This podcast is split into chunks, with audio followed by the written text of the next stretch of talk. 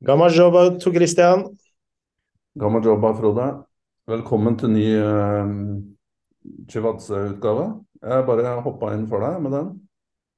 Det er veldig deilig. ja, det er hyggelig at jeg kan uh, gjøre deg glad. Kan jeg spørre, hvor i verden er du nå? Jeg er i, uh, fortsatt i Italia, på måneden nå vel. Men har kommet meg fra fra vakre Sicilia. Jeg lurer på om jeg var der sist vi hadde en episode. Til Milano i, i det høye nord. Mm. Det visste jeg jo for øvrig, for jeg så jo på Twitter at du var på fotballkamp i går. Ja, det var Det var serieoppgjør mellom AC Milan og Salernitana som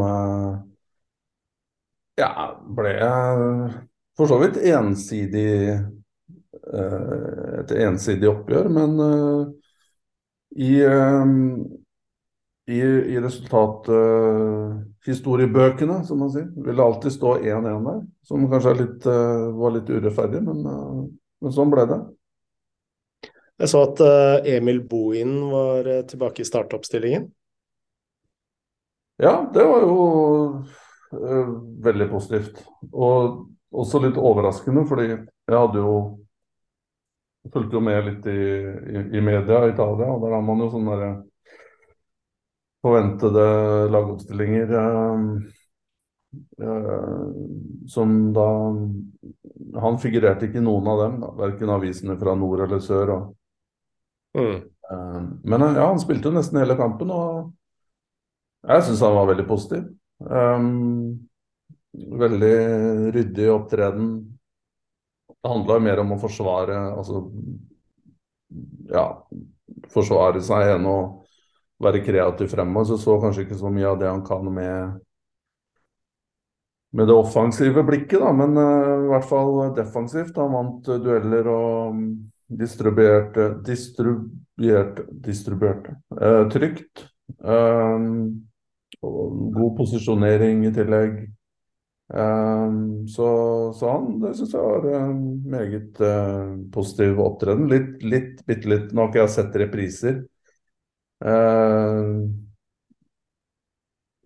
men er bare litt sånn usikker på det målet til, um, til Milan, som kom fra en corner, da. Giroud, som uh, ja, Han trengte jo knapt å gå opp engang, men han liksom bare stussa ballen i mål fra fem meter mellom to Salernitana-spillere. Og den bakerste av de to var jo Bohinen, så jeg er litt usikker på rollefordelingen akkurat der. Men eh, ja, bortsett fra det lille mulige eh, spørsmålstegnet der, så syns jeg han var meget ryddig. Milan på den annen side var eh, var, som man sier i Italia, litt typisk Milan. Eh, hangover fra London, fra disse oppgjørene mot Tottenham. Mm. Og at de ikke klarte å ja, Kanskje det mentalt var var litt eh, for krevende, og at man ikke helt har klart å nullstille seg etter den eh, etter det oppgjøret der. For det ble jo feira som at de hadde vunnet eh, hele Champions League etterpå. Forståelig nok, det var jo en utrolig god, god prestasjon. Men uh, det gikk veldig sakte når de fikk uh, De fikk jo 1-0 uh, eh, på overtid første omgang. Så kunne man kanskje ha forutsett at Milan ville kanskje prøve å få noen liksom, Være litt mer proaktiv med tanke på å få mål nummer to. For så begynne å slippe seg ned litt og spare litt energi. og dra ut intensiteten i, i, kampen. Men den intensiteten den kom for så vidt aldri. Så de, de var komfortable og tenkte at her, her er vi trygge, og Salernitana kommer ikke til å by på, på noen ting. Men uh, ja, så skjer det som det ofte gjør i fotball, når du ikke er mentalt helt uh, 100% fokusert, så kommer det en baklengs. Så det kunne jo kommet en til på, på slutten der. Så det var liksom Hva? Det passer jo bra at du er i Italia, fordi vi har jo fått uh, veldig mange spørsmål om uh, italiensk, uh, italiensk, fotball. Og også noe om Milan, så jeg lurer kanskje på om jeg kan sette i gang med et spørsmål fra Anders Bjerva, som lurer på litt rundt Milan. Og han spør Snakk gjerne litt om Milan, det har du jo for så vidt begynt med. Men han spør den offensive, fine fotballen Milan tidvis spilte under Pioli, virker å ha blitt erstattet av et håp om individuell briljanse, som dessverre for det meste uteblir. Endringen til 3-4-2-1 var nødvendig for å få endret på det defensive, men når da Forsvaret har en day off, som mot Salernitana og Fiorentina, går man på unødige, unødvendige poengtap. I hvert fall mot førstnevnte. Fio borte er alltid tøft. Bør Milan se seg etter en mer offensiv anlagt trener? Ja, altså Det, det, det, det Milans sesong er jo blitt Den er jo ganske identisk til sesongene som Inter har. Eh, og Juventus til en viss grad. Da. Men Juventus sin sesong har jo blitt kondisjonert av disse 15 minuspoengene som, som har blitt trukket. Eventuelt om de får dem tilbake, så ville vel Juventus vært et par-tre poeng foran, foran Milan og, og, Inter. Men det er litt av de samme problematikken der at uh, i alle de lagene at ikke det offensive ikke helt um, fungerer Det er sånn rykk og napp-sesonger hvor man har noen gode perioder, og så går man over i, i, i lengre trøblete perioder hvor, hvor diskusjonen ofte handler om, om trenerne. altså det hvis du holder oss til de tre klubbene, så er det jo både Allegri har jo vært under uh, kritikk. Uh, forventes at han kanskje vil mer eller mindre motvillig gå til sommeren. Um, også litt av samme grunnene til at Pioli kritiseres, fordi han har blitt gått fra å være en hva skal vi si, en slags det man kaller eh, prosjekttrener da, i Italia, hvor man har på en måte en visjon og en idé, og man bruker unge spillere og man jobber etter lange håper eh, å si, At man har planer som går utover bare å få med seg poeng i neste kamp. Men nå har det jo blitt Både Pioli og Allegri kan jo man si at har blitt gått tilbake til litt sånn defensiv tankegang. Ikke bare hva gjelder formasjoner på banen og, og taktisk eh, tankegang, men også filosofisk. da. At eh, de, de, har gått fra å ha et klart konsept til å kompromittere med sine ideer, og så for å klare å håndtere en, en krise. Da. Milan var jo, hvis vi holder oss til Milan, eller går tilbake til Milan, så hadde jo en periode etter Spesielt etter jul som var veldig negativ. Eh, dårlige resultater. Um, og så, som Anders sier her, ja, så la det jo om da til tre bak, 3-4-3, 3-5-2, litt avhengig av hvordan kampbildene var. Men uh, Og da slapp de en færre mål. De fikk inn Tiav der, som uh, i midten bak. Uh, som spiller nesten en slags libero-rolle der. og har det, det, det, ser mye mer stabilt ut, og de kan stå høyere i banen fordi alle tre stopperne har, har fart osv. Men allikevel så ja, som vi har vært inne på tidligere, når du da når du da ofrer en ofrer en uh, dytter en midtbanespiller til og kjører wingbacker, så du får da en treer bak, tre rene stoppere. Og da blir det ofte litt baktungt. og det, De mekanismene som tidligere har fungert, tidligere har fungert for Milan, de, de er ikke lenger. Det andre er jo også at noen av enkeltspillerne som var så fryktelig dominerende i fjor, eh, under den Scudetto-sesongen, og spesielt i særstilling Rafael Leao, Mm. har jo ikke vært på, i nærheten av det de presterte i fjor. Og, og Leao hadde jo en slags altså Han var jo spesielt da på andre halvdel av sesongen, så var jo han en som avgjorde kamper og var altså én mot én nesten umulig å stoppe. Um, skapte ting på egen hånd. Hadde denne farten og, og selvtillit. Men nå har jo eh, han, han var jo banens svakeste i går, vil jeg påstå. Og ble jo tatt ut og ser jo ikke komfortabel ut i det hele tatt. Så når en så stor og viktig spiller for Milan da ikke presterer, så vil jo det ha, ha, ha det, det, det vil jo ha en negativ eh, effekt. Mm. Og utover det så er det også noen spillere som man har eh, på en måte hatt store forhåpninger til. De Kettelar som kom i fjor sommer, som var en stor og viktig signering, har ikke funnet seg til rette. Ser Har ikke vært så skandaløst svak, mener jeg, da, som kanskje mange milanister og media her i Italia forsøker å, å, å fremstille det. Men han er langt unna det man, eh, man så fra han i, i, i Brugge. Ja. Uh, og så er det også dette her med spissene Giro, som er uh, litt skadeutsatt. Uh, Ibrahimovic har vært ute i lengre periode, og Rigi leverer ikke. Så du har også en nummer ni-situasjon der som, som Kanskje Giro er det sikreste kortet, men igjen har hatt en del svake perioder. Ja, bare fortell en liten anekdote fra, fra i går. Um, bare litt morsom. Jeg hadde jo ganske fine, fin plass der. Uh, og, Det så jeg.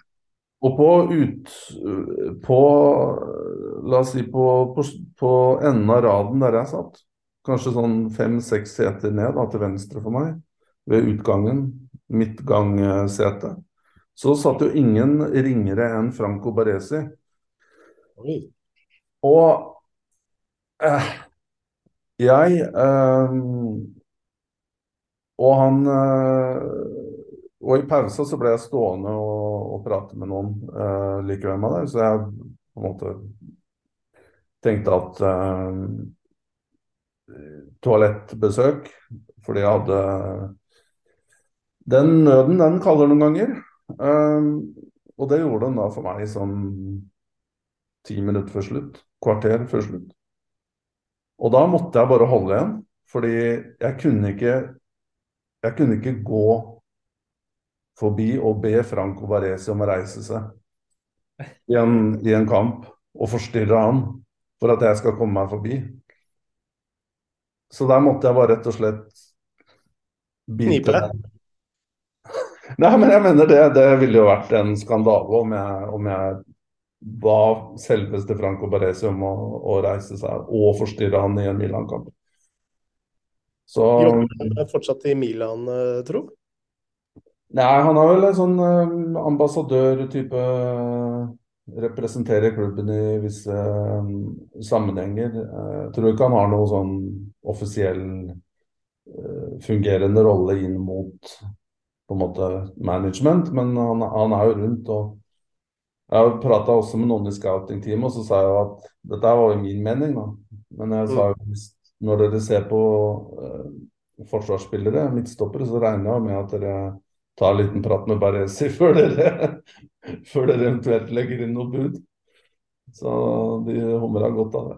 Men eh, Pioli, jeg mener jo at eh, jeg, jeg mener at det kan være litt lett å bli eh, Bli kanskje for fort dratt inn i en tanke om at det kommer til å bli så mye bedre med andre, og at at hans tilstedeværelse og la oss si, jobbsikkerhet bør også ses i kontekst av det han gjorde med Milan. og Han har fått dem opp, uh, vant Scudetto. Nå ligger de på, på tredje-fjerdeplass, like bak, eh, bak ja, nesten samme poengsum da, som disse andre, Lazio, og Inter og Roma. Eh, så, og at kanskje um, den store Scudetto-bragden i fjor, at det kanskje også har tapp, tappet litt energi fra laget. At kanskje motivasjonen har falt bitte litt osv. Spesielt da i Serie A. Det er også naturlig. For det, det, det ble jo mestere litt mot alle odds. Så jeg føler jo at han han, han burde jo fortsette, mener jeg i hvert fall. Akkurat dette med, med mental slitasje, det, det, er jo noe Pep Guardiola også har vært mye inne på nå, nå i de siste ukene med, med tanke på Manchester City. Når han blir spurt om uh, forskjellen på Arsenal og Manchester City, så sier han at uh, Arsenal slipper å slite med å, å, forsøke å motivere spillere som har vunnet to år på rad. ja, det det, det, er nok helt riktig. Det, og det, Der stoler jeg helt klart på det Pep, Pep sier. Så, men uh, dette blir en veldig interessant uh, trenerkabal i Italia. Bare for å ta et par avsluttende ord om det. Så Jeg var inne på, på Allegri sin fremtid i, Juventus, som virker usikker. Um, ikke nødvendigvis fordi han har gjort en dårlig jobb, men kanskje mest pga. at han kanskje ikke passer lenger til den type operasjon som Juventus må forholde seg til nå fremover, da, med større økonomiske eh, forbehold og restriksjoner. Mm. Der eh, nevnes jo Conte. Eh, vi skal komme tilbake til litt Spurs senere i episoden, eh, tror jeg, så vi kan jo kanskje eh, holde den litt. Men Eh, så, så, det er jo en ting man må holde litt øye med. Allegri Juventus, er det noe Ønsker de å gå ut på et år til? Uh, selv om han har en veldig god kontrakt i tre sesonger til. Men hvis partene ikke er motiverte, så er det klart at man finner jo en, en løsning på det. Og så er det jo Inter da, i tillegg, og det er jo den treneren til tross for Den treneren som er under mest press akkurat nå, er jo er jo Simon Inzaghi i Inter. Mm. Som igjen har vakla litt etter etter eh, nyttår. Og spesielt på bortebane så har du jo så sliter du voldsomt. De, de tapte jo både for Bologna borte, Spezia nå helgen. De klarte ikke å slå mitt kjære Santoria på, på bortebane. Det ble jo 0-0. Eh, og det spekuleres jo også i at hvis de ikke kommer seg videre fra Champions League. Da. Eh, de spiller mot Porto i kveld. Eh, vant vel 1-0 første kampen der. Eh, men det som er interessant med Inter, er at man, man har sett da i flere uker nå fra mm, lederhold i Inter, da Giuseppe Marotta bl.a. store CEO-en, som på en måte ikke har bare fullstend gitt fullstendig støtte til Linsagi. Og det er hele tiden kommentarer om at vi må bli bedre. Det er trenerens ansvar til å få dette laget til å fungere. Vi har investert.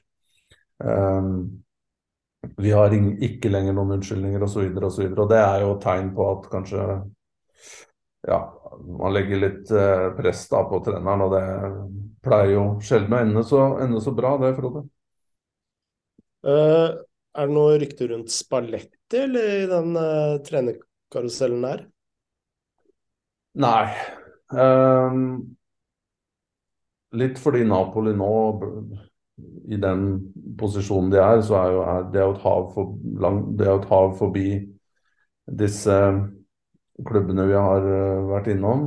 Eh, og han han hadde vel mulighet til å gå til uh, Juventus for noen år siden, var, var, i hvert fall en slags kandidat der, men det skjedde aldri. Og så tror jeg forholdet mellom Selv om det er nye folk nå da, som, som presumptivt opererer i, Juventus, så tror jeg det skapte litt isfront mellom partene. Men mm. Juventus er jo som tradisjonelt er den mest attraktive klubben i, i Italia. De vil jo ikke være i stand til å heller lansere et uh, planer som er, at, som er mer attraktive enn det Spalletti har i, i, i Napoli. Um, og med mindre Napoli bare på en måte selger seg ned etter å ha tatt Scudetto, som mer eller mindre er i, i deres uh, Som de har loset i havn nå, da. Det er jo 18 poeng ned til Inter.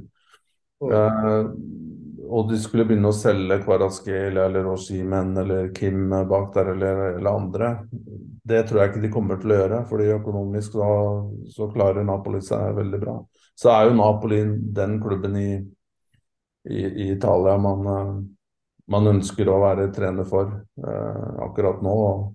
Og, og, hans trenergjerning har jo også fungert så utrolig bra der. Så det, jeg tror vel ikke han ser noen andre steder eh, heller. Og han har jo vært i Inter tidligere, så en retur dit er vel også uaktuelt. Men når vi snakker om Juventus, så du får arrestere meg hvis jeg bommer fullstendig, men jeg har et inntrykk av at de er i ferd med å skal selge seg litt ned. Altså Locatelli linkes vekk, uh, Vlaovic linkes vekk. Uh, og så har du jo alle disse rettssakene som, som kanskje kommer opp. det ser jo ikke veldig lyst ut for Juventus. Nei, vi får nå vente og se hva som blir utfallet av, denne eh, regnskapsskandalen da, som har ført til at det blir trukket 15 poeng.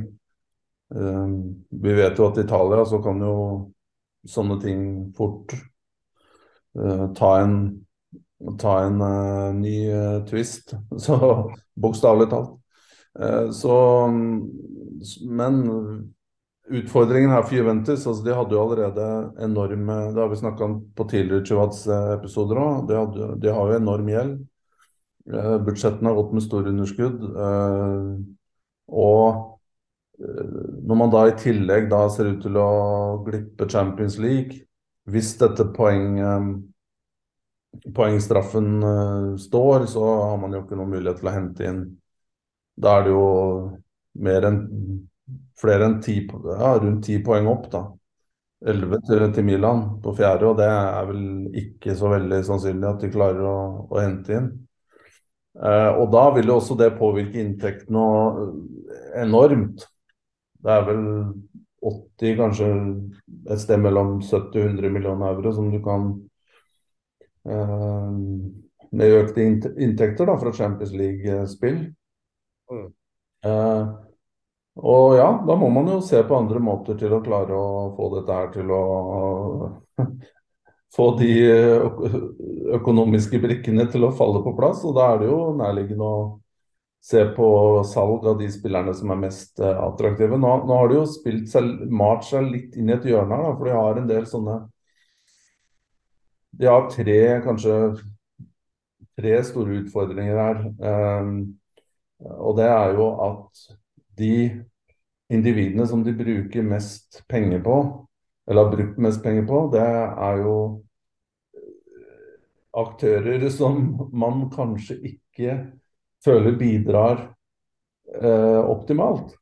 Da tenker vi Allegra har vi allerede snakka om, som etter sigende tjener et sted mellom 7-8 millioner netto euro i året. Skal man gange det med to, så får man det Juventus må, må betale for han, ikke sant.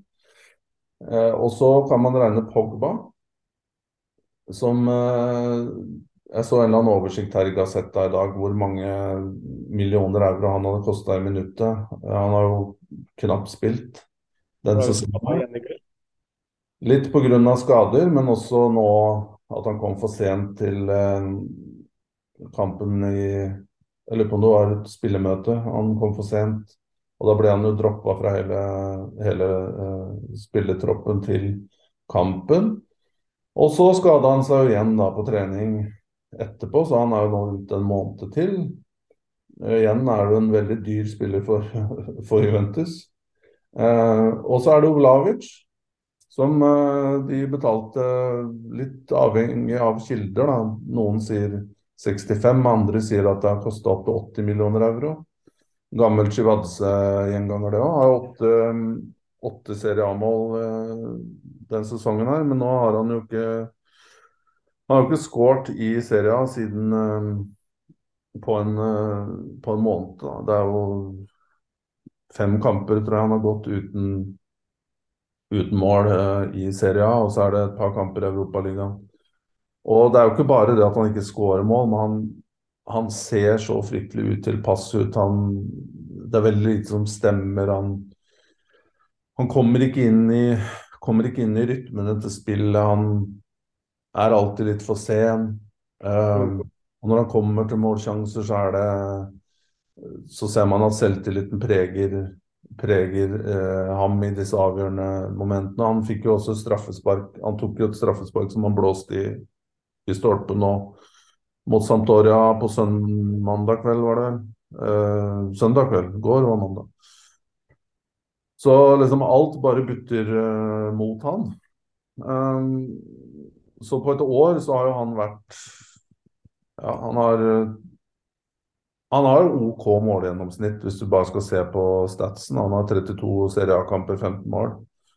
Men i form av den store skal vi si, trofé prestisjesigneringen som han var for Juventus, så er det jo klart at det, man hadde jo forventet mye mer. Og så er spørsmålet hvordan vil det den svake formen han er inne i nå, hvis han ikke skulle begynne å liksom, eksplodere inn mot sommeren, hvordan vil hvordan vil Juventus klare å få en OK pris da, til sommeren? For som du vet også, Frode, at Transmarka transfermarkedet er jo veldig sånn flavor of the month-basert.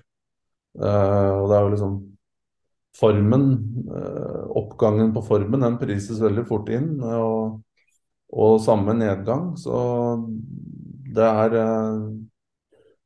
Det er også et usikkert kort. Men Så det er ja. Jeg syns jo samtidig at uh, uh, Dusan Vlavic-hypen har holdt seg ganske godt. Han er jo fortsatt uh, linka til noen av de største klubbene i England. ser Liverpool er rykta interessert, sammen med Manchester United. Og med tanke på Manchester United, så sier jo ryktet at Uh, Viktor Oshimen og Dusan Blavic er to de vurderer opp mot hverandre. Ja, det er jo spennende i seg selv. Det er jo to veldig forskjellige spillertyper. Uh, men jeg, jeg, tror mye avhenger her av at uh, Litt sånn forlengelse av det jeg avslutta med forrige, forrige replikk. Så mye handler om, nok om at han får en god avslutning på sesongen. For hvis han fortsetter sånn som han har gjort nå, og det er sju kamper uten mål, og han ser ut sånn som han gjorde mot Sampdoria, og for så vidt også i Europaligaen mot, mot Freiburg, var det vel, så, så, så er jo så, så, er jo ikke han lenger et så, kjøper du ikke Vlavic lenger som et hot liksom, attraktivt prospekt. Da kjøper du nesten en eh, rehabiliteraktuell spiller. Da. Mm. Det, fordi du kan på en måte ikke gå en sånn vinter uten at det påvirker da Ja, vi husker hvor god han var i Fiorentina. Vi husker Glimtus også fra Juventus, hvor, hvor toneangivende han har vært. Men han er også en spiller som når han virkelig er i form, så er det liksom Er han veldig aktiv, og han, han lykkes med alt han gjør, han har masse energi. Men når det ikke går bra, så ser han så fryktelig fryktelig mislykket ut, da. Mm. Og, og, det er jo ikke en Hvis du på en måte i de siste ukene eller månedene før et overgangsvindu starter, og du ser en sånn type spiller, så så er det jo vanskelig å selge inn det til uh, klubbeiere som, som her sannsynligvis må betale 50 millioner euro pluss. Uh, og, og, tvilen vil jo også spre seg til de som da ser på spilleren. Mm. Hvor, hvor uh, mye eller lite tror du Juventus kan få for Vlavic nå? Er prisen halvert eller ikke så ille, eller? Jeg, jeg, jeg, tror vel at de, de, de noen Nå vet jeg ikke, altså. Han har, han har vel fem års kontrakt i Ventus. Um, så la oss si at i bøkene så har han fortsatt en verdi på 60, da, kanskje. Mm. Blitt uh, kanskje under det. Og det er vel den summen da de ønsker å eventuelt hente inn. At de, de forestiller seg noe rundt de summene 50, 60, 70. Men, men da må du igjen ha en formspiller og du må ha en spiller som virkelig er eh, på vei opp i karrieren, selv om mange vil lure på på en måte, ja, men er det ikke litt rart at man ikke tenker på potensial, og, eh, og at, at, ting blir så uh, At alt dreier seg om, om, om det siste, siste, perspektivet, da. Men, men, dette er psykologi, og sånn er, sånn er mennesker. Uh, men per i dag så, så, ser jo ikke han ut som verken Manchester United, Real Madrid eller Chelsea-spiller.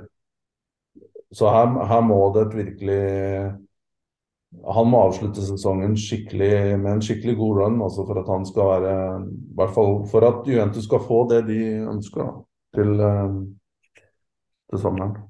Eh, siste spørsmål om uh, Serie A. Uh, Dan Erik Steinesen har lurer på klarer Napoli å holde på stjernene sine.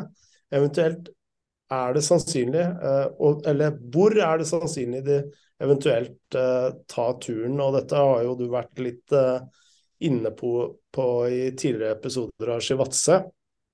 Men det kan vi jo kanskje ta en litt sånn recap på? Ja, jeg, jeg, jeg Mitt inntrykk er at um, sånn sett fra klubbens perspektiv så, så står jo ting veldig bra til i Napoli.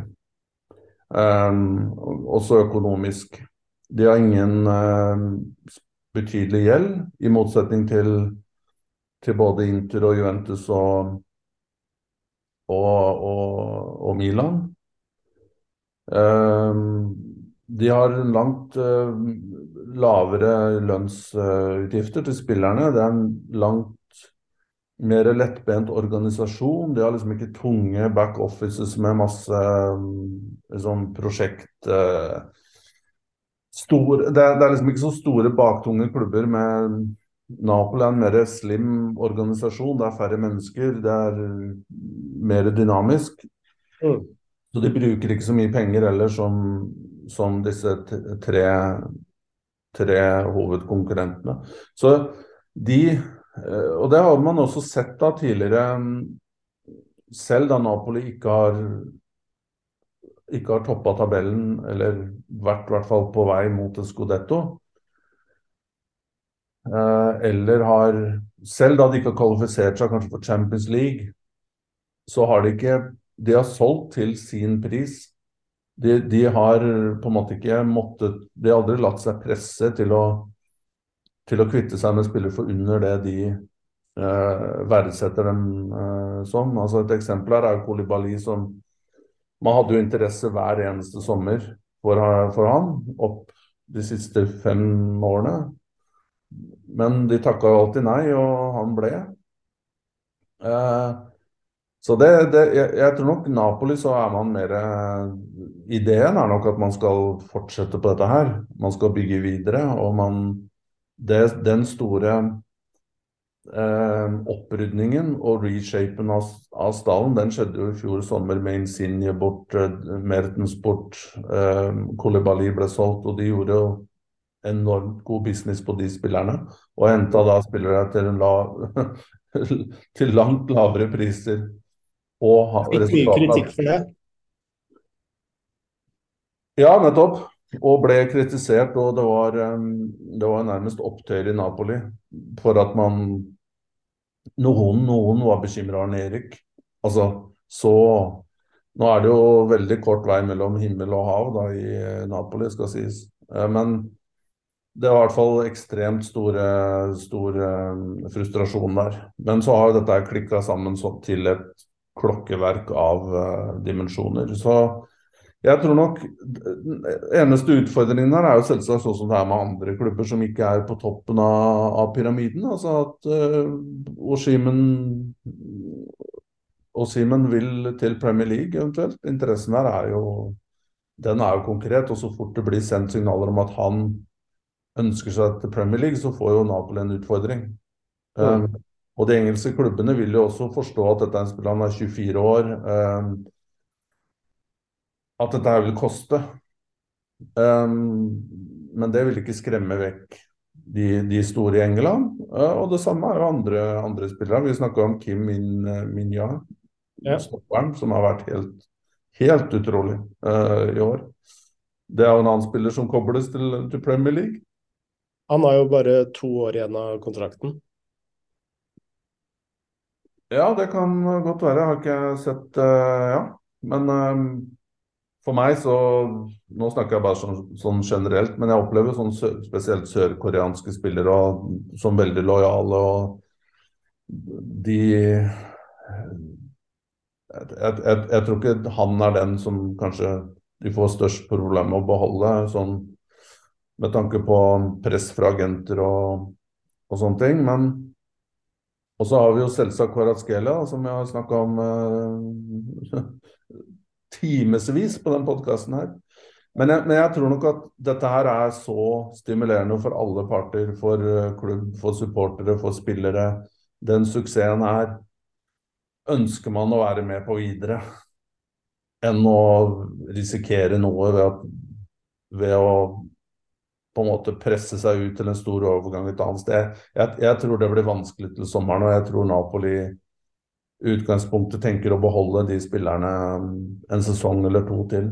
Men det, men det har jo også solgt tidligere i riktig, i riktig øyeblikk. De solgte jo Lavetzi fikk de mye penger for, Kavani tidligere.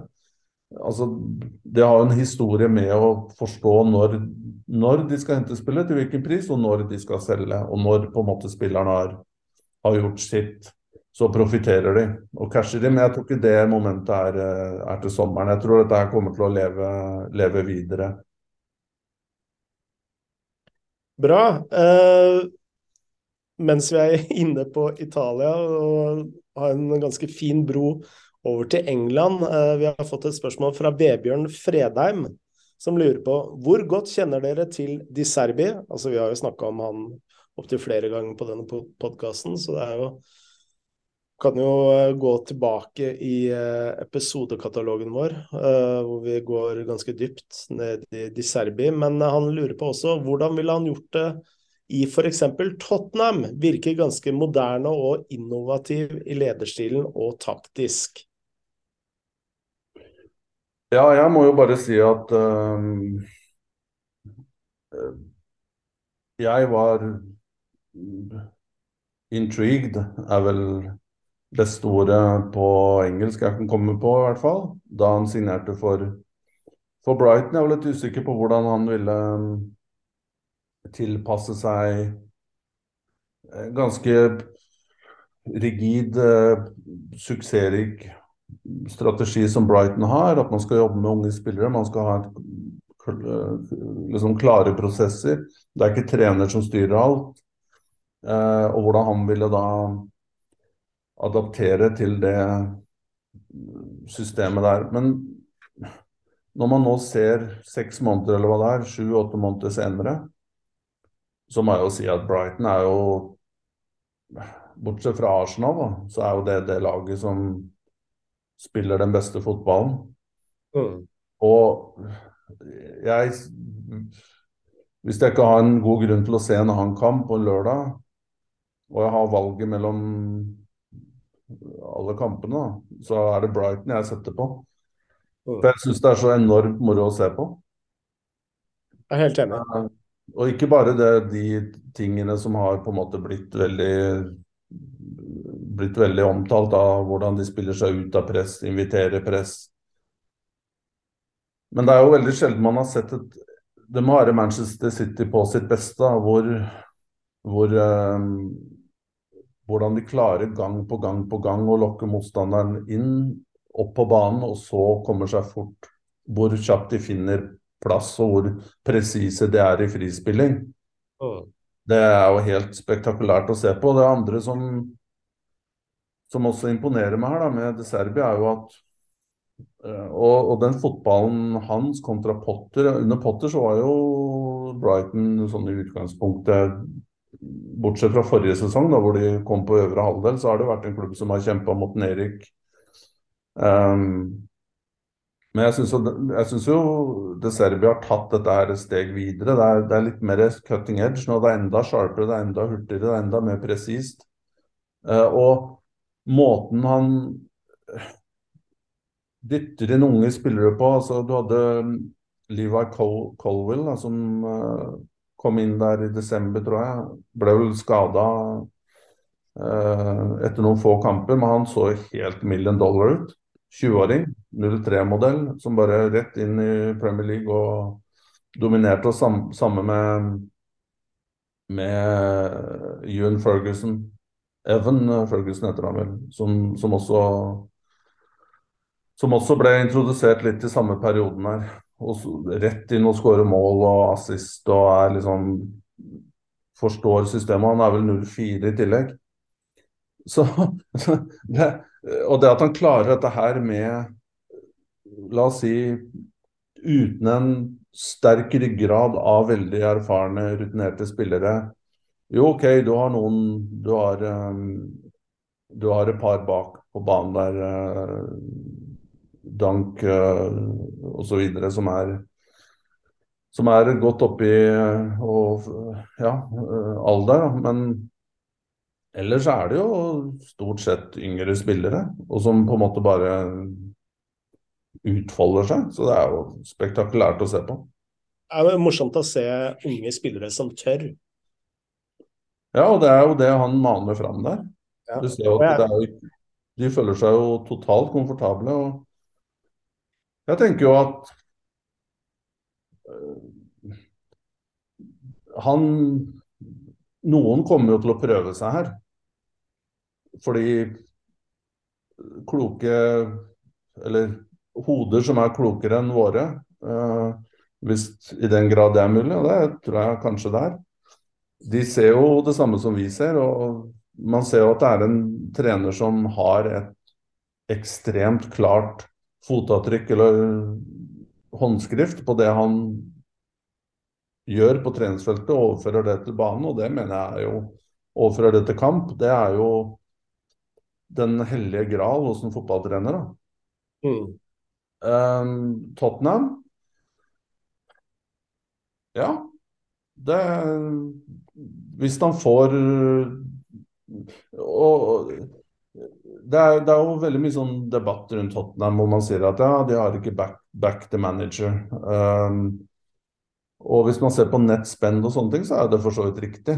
Um, til en viss grad. Fordi Tottenham jo, er jo et godt stykke ned på den tabellen der de siste års nettspend. Er, vel, er de vel på sånn 7.-8.-plass.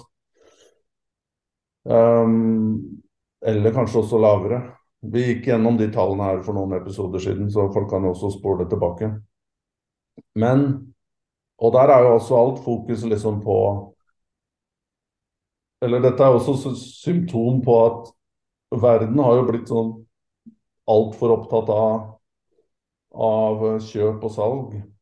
At for å vinne noe, så må du kjøpe, og du må liksom, vinne overgangsmarkedet hvert eneste vindu. Men De Serbi viser jo at dette er mulig på andre på andre premisser òg, ved å ha en ekstremt god trener som er, har et system og en visjon og en strategi. Mm. Men om det er overførbart til akkurat de spillerne Tottenham har akkurat nå, det er jo et annet spørsmål. Eller om det er overførbart til spillere som Det, det er jo en ting med, med De Serbi, at han ikke har jobbet med på en måte stjerner i en krevende klubb. Sassuolo Italia er jo til tross for gode resultater, så er det jo en liten klubb i italiensk sammenheng uten stor oppmerksomhet. og Du får jobbe og, og utfolde deg fritt. Um, Sjakta Donetsk var jo en kort periode, men det er jo heller ikke sammenlignbart med, med, med, med Spurs uh, i den forstand. Absolutt ikke. Men, men hvis de henter De Serbia overbevist om at han er De har troa på den måten han jobber på, og gir han muligheten til å jobbe fritt. Så Og også aksepterer at det er ikke sikkert at den effekten han har hatt i Brighton, den, det, er, det, er, ikke sikkert den nødvendigvis kommer etter fire-fem måneder i, i, i Nord-London. Men at man allikevel ikke gir opp. Eh, så, så, så mener jeg det er en, et naturlig sted å se. Jeg, jeg har også registrert at han han har vel en utsalgsklausul ut, på Den er litt sånn spesielt formulert, etter det jeg har hørt. Det er litt avhengig av, av flere faktorer. Det jeg har hørt, at det avhenger av hvor Brighton er på tabellen og eventuelle, eventuelle resultater. Nå ser det ut til at Brighton kommer til cupfinalen, og det er vel Grimsby i semien. Um, men uansett hvordan du ser på det eller ikke, så er jo, så er jo Brighton en klubb som, som er villig til å Som det går an å forhandle med, og man kan få til noe. og Det kan jo være at de investerer 20-25 millioner pund i De Serbi. Um, at det er en bedre investering enn å bruke 100 millioner på, på spillere til en trener som ikke er så dyktig. Mm. Jeg, hva tenker du litt om eh, eh en klubbs eh, DNA? Eh, nå har eh, Tottenham har gått for to managere på rad som eh, man kan si er defensivt orienterte, med Mourinho og nå Conte. Uh, og den, dette er kanskje en litt sånn høytflyvende tanke, da, men de som blei fans av Tottenham uh, på et eller annet tidspunkt, i hvert fall i en viss alder, ble jo det fordi de spilte en type fotball som man identifiserte seg litt med. da. og når jeg tenker på Tottenham, i hvert fall, så er det jo en offensiv, fin fotball. Nå har de gått litt uh, vekk fra det. Og hva tenker du med at uh, Si med en ansettelse som Di Serbi, da, som er nærmere det ideale uh, veldig mange Tottenham-fans vokste opp med, at det kan være med på å samle en klubb i større grad, eller er det bare, en, bare noe fans tenker på? Ja, altså supportere har jo de, de kommer jo på en måte fra et sted og vil vil, øh, vil at klubben skal fremstå på på en måte som er, som du sier, da, tro mot, mot øh, litt sånn kulturarven. Mm. Og vi har jo hatt noen Tottenham-episoder. Det ligger jo på Patron for de som er interessert og som ikke har vært inne og, og lytta der, så er jo det en, eh, en mulighet. Den episoden med Lars Sivertsen på fire timer, nesten fem, den ligger nå åpent, så alle kan gå inn og, og, og sjekke ut den hvis man, hvis man ønsker. Um, og der er vi inne på veldig mange av de tingene som du nevner også, Frode. Men jeg tror i dag så er det jo litt sånn De best practice, eller det på en måte ultimate bildet av uh, den mest attraktive fotballen, det, det, det, det, forandrer seg med tiden, ikke sant? Så um, per i dag, hva er det? Er det måten Arsenal spiller på, da? Kanskje Manchester City, Barcelona At man skal ha mye possession, at man skal dominere kampene. Man skal ha tekniske gode spillere, kreativiteten, uh, gode kombinasjoner fremover. Bare sånn For å ta de grove trekk. Så er jo Tottenham Tottenham er jo et stykke unna det, og det er jo mer å si, Det er jo et lag som er bygd for eh, transition-fotball. Det er jo når lag åpner seg og de kan bruke fart direkte De har disse direkte veldig sånn hurtige spillere fremover på banen. Da, da får de virkelig vist seg frem. Og du har jo ikke spillere der per i dag som, som er nødvendigvis har sin store styrke i å åpne motstandere som ligger lavt, og, og, og bygge la oss si sofistikerte sofistikert dominanse på siste tredjedel. Det har jo ikke Tottenham. Og det har du jo ikke bygd lag for heller. Men ja, ja, på et eller annet tidspunkt så er det jo kanskje, som du sier, eller alluderer til, at det vil være det, det, vil være en vei å gå for Tottenham. At man har en klarere idé om et system og hvordan de fremstår da, på banen enn at det er reaktiv fotball. Mm. Og det, det, forstår jo at Tottenham-fansen uh, ikke, ikke, ønsker seg. Og De Serbi vil jo ikke være på noen måte en Han vil jo passe godt inn i det bildet der, å, hvis man ønsker å gi det det løftet der. Vi har fått et uh, spørsmål fra Jørgen Nystuen om uh, Liverpool. Hva må Liverpool gjøre i sommer? Flere spillere ser ferdig ut. FSG på vei ut, sportsdirektøren på vei ut. Hvis det ikke blir Champions League, kan man jo begynne å snakke om krise. Og uh, eh, 0-1 mot uh, Bournemouth etter uh, å ha herja med, med, Manchester United, det, det, går fort fra himmel til helvete. Ja, det, det, det svinger. og og det har du jo for så vidt gjort for Liverpool hele sesongen. Men jeg vet ikke om du har lyst til å starte, starte her, Frode? Nei, altså det må jo Det virker som at Liverpool uh, uh, En ting er at de kanskje ikke har truffet på alle signeringene sine. Eller så kan man jo også argumentere for at man har truffet på signeringene sine, men ikke ikke har eh, bytta nok. Og vi har jo vært inne på dette bakteppet om eh, hvordan Liverpool har tatt med seg fjorårets eh, sesong inn i årets sesong, også med tanke på VM. og det totale antall kamper Liverpool har da spilt det siste året, og, og slitasjen men det virker jo nesten som at uh, disse problemene går dypere enn bare spillerekruttering. Uh, det virker jo som at uh, de først og fremst må få plass på rekrutteringskontoret eller sportsdirektørkontoret. At det er liksom første pri, da. Men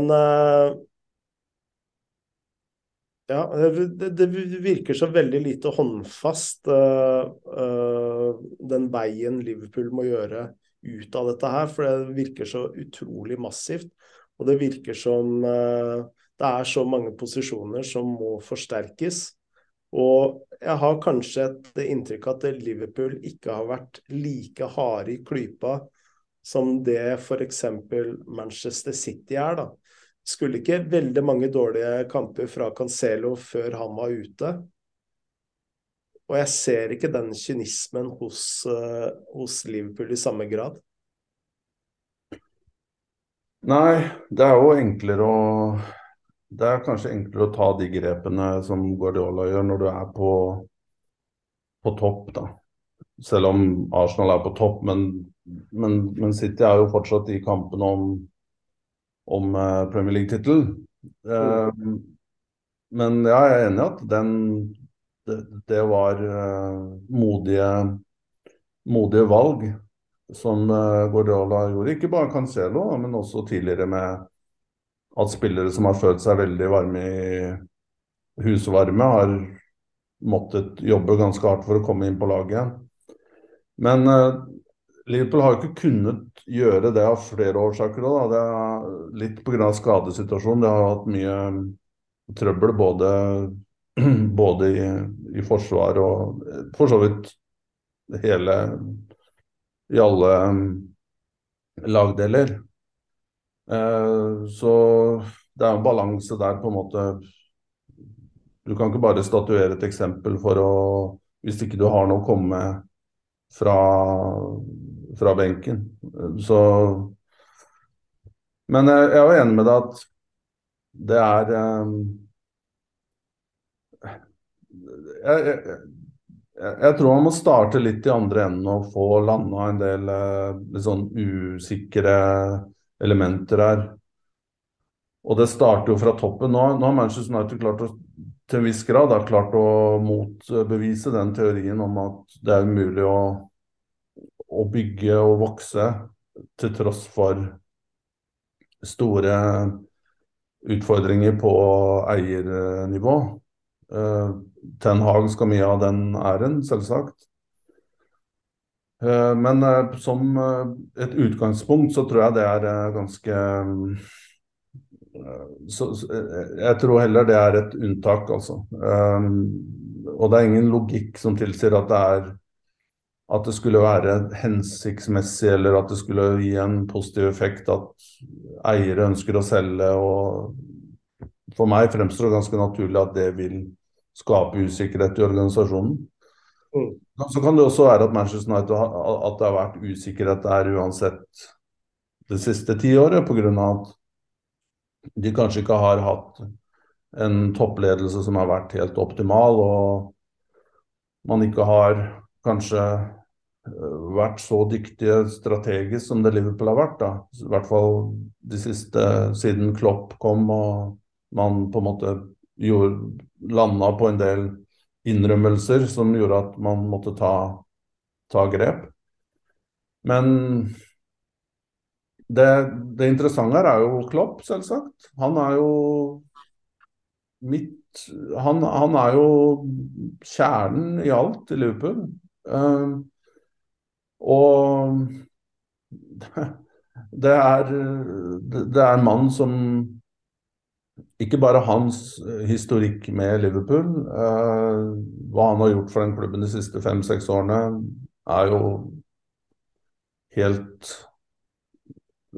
utrolig beundringsverdig. Og han er jo en stor profil. Han, en, han suger til seg oppmerksomhet han, han er en leder i den forstand at uh, masse av Man ser også nå masse av den kritikken Liverpool får. Det er på en måte Det klarer han å det, det bouncer av han.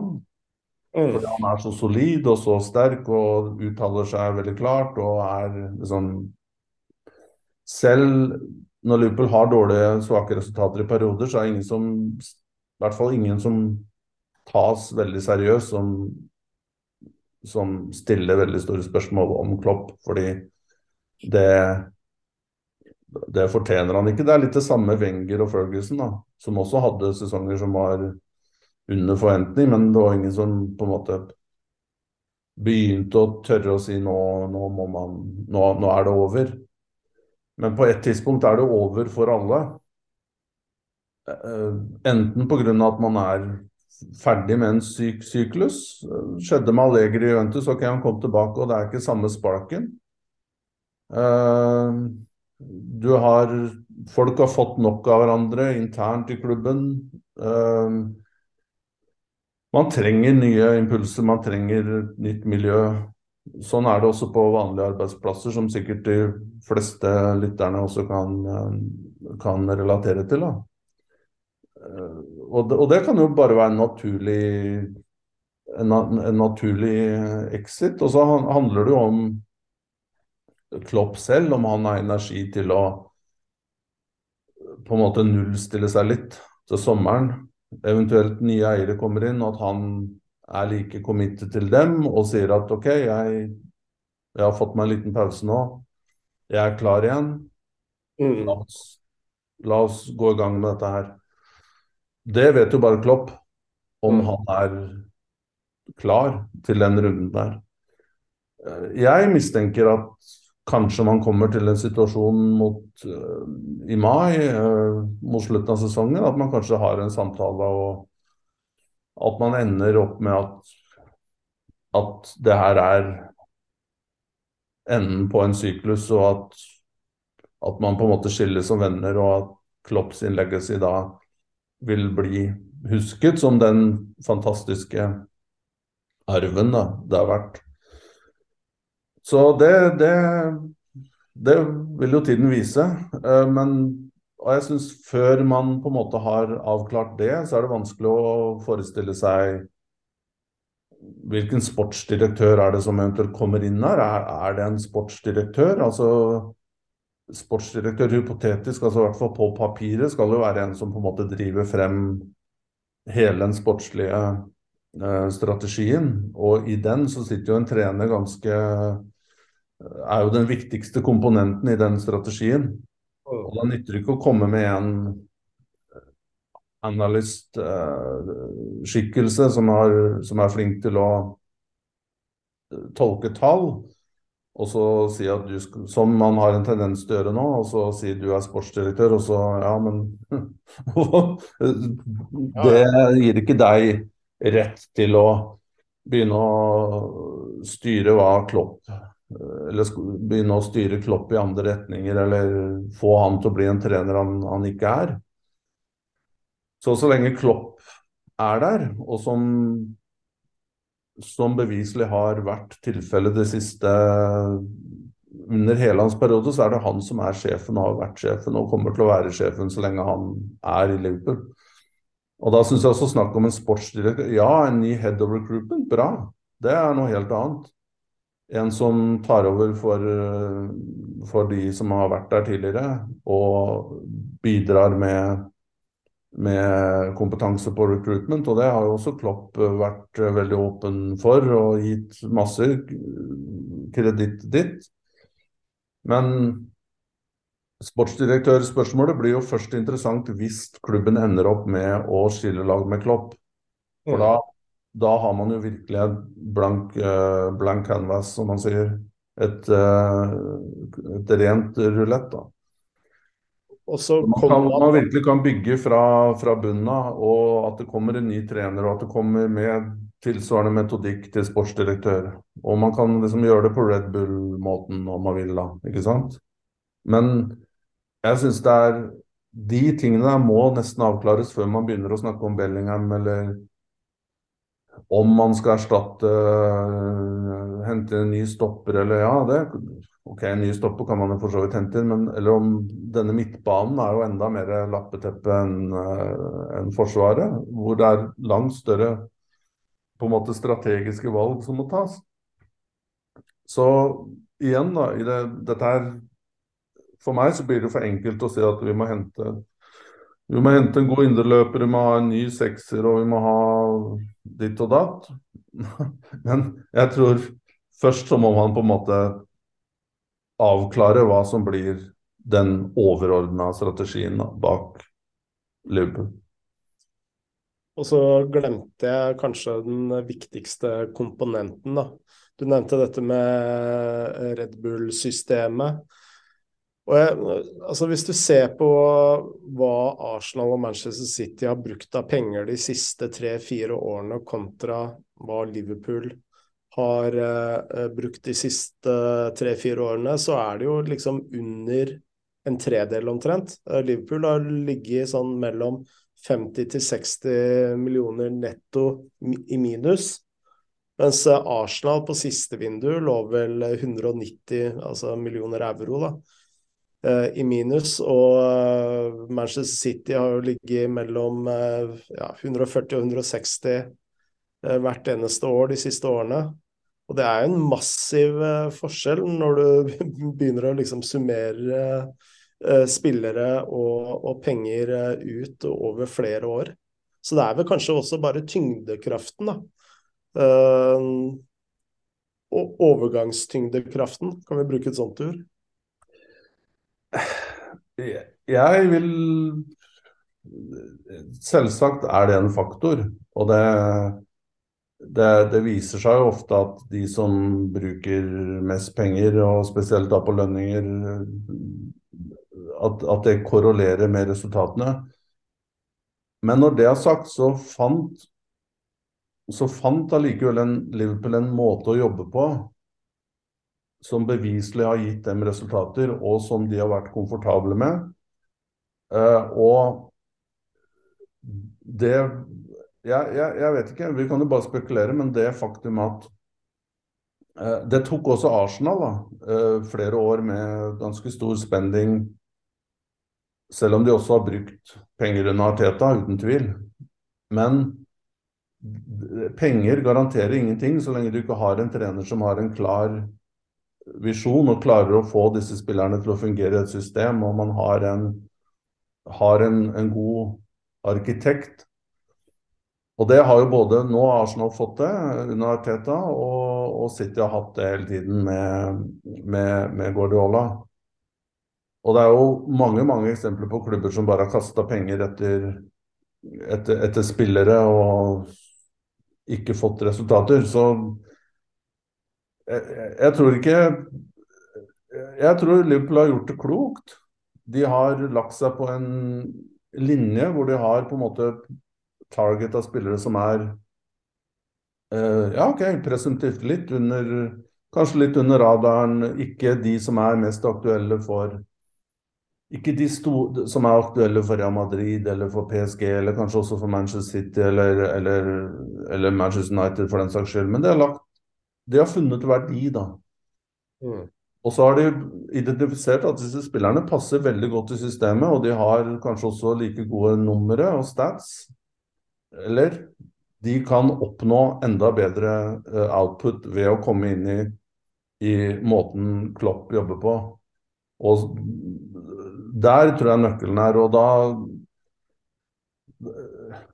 og, og, Liverpool har vel også forstått at det er uaktuelt for dem å liksom krige om som jeg sier, Mbappé og, og Chomeny og disse spillerne som absolutt alle vil ha.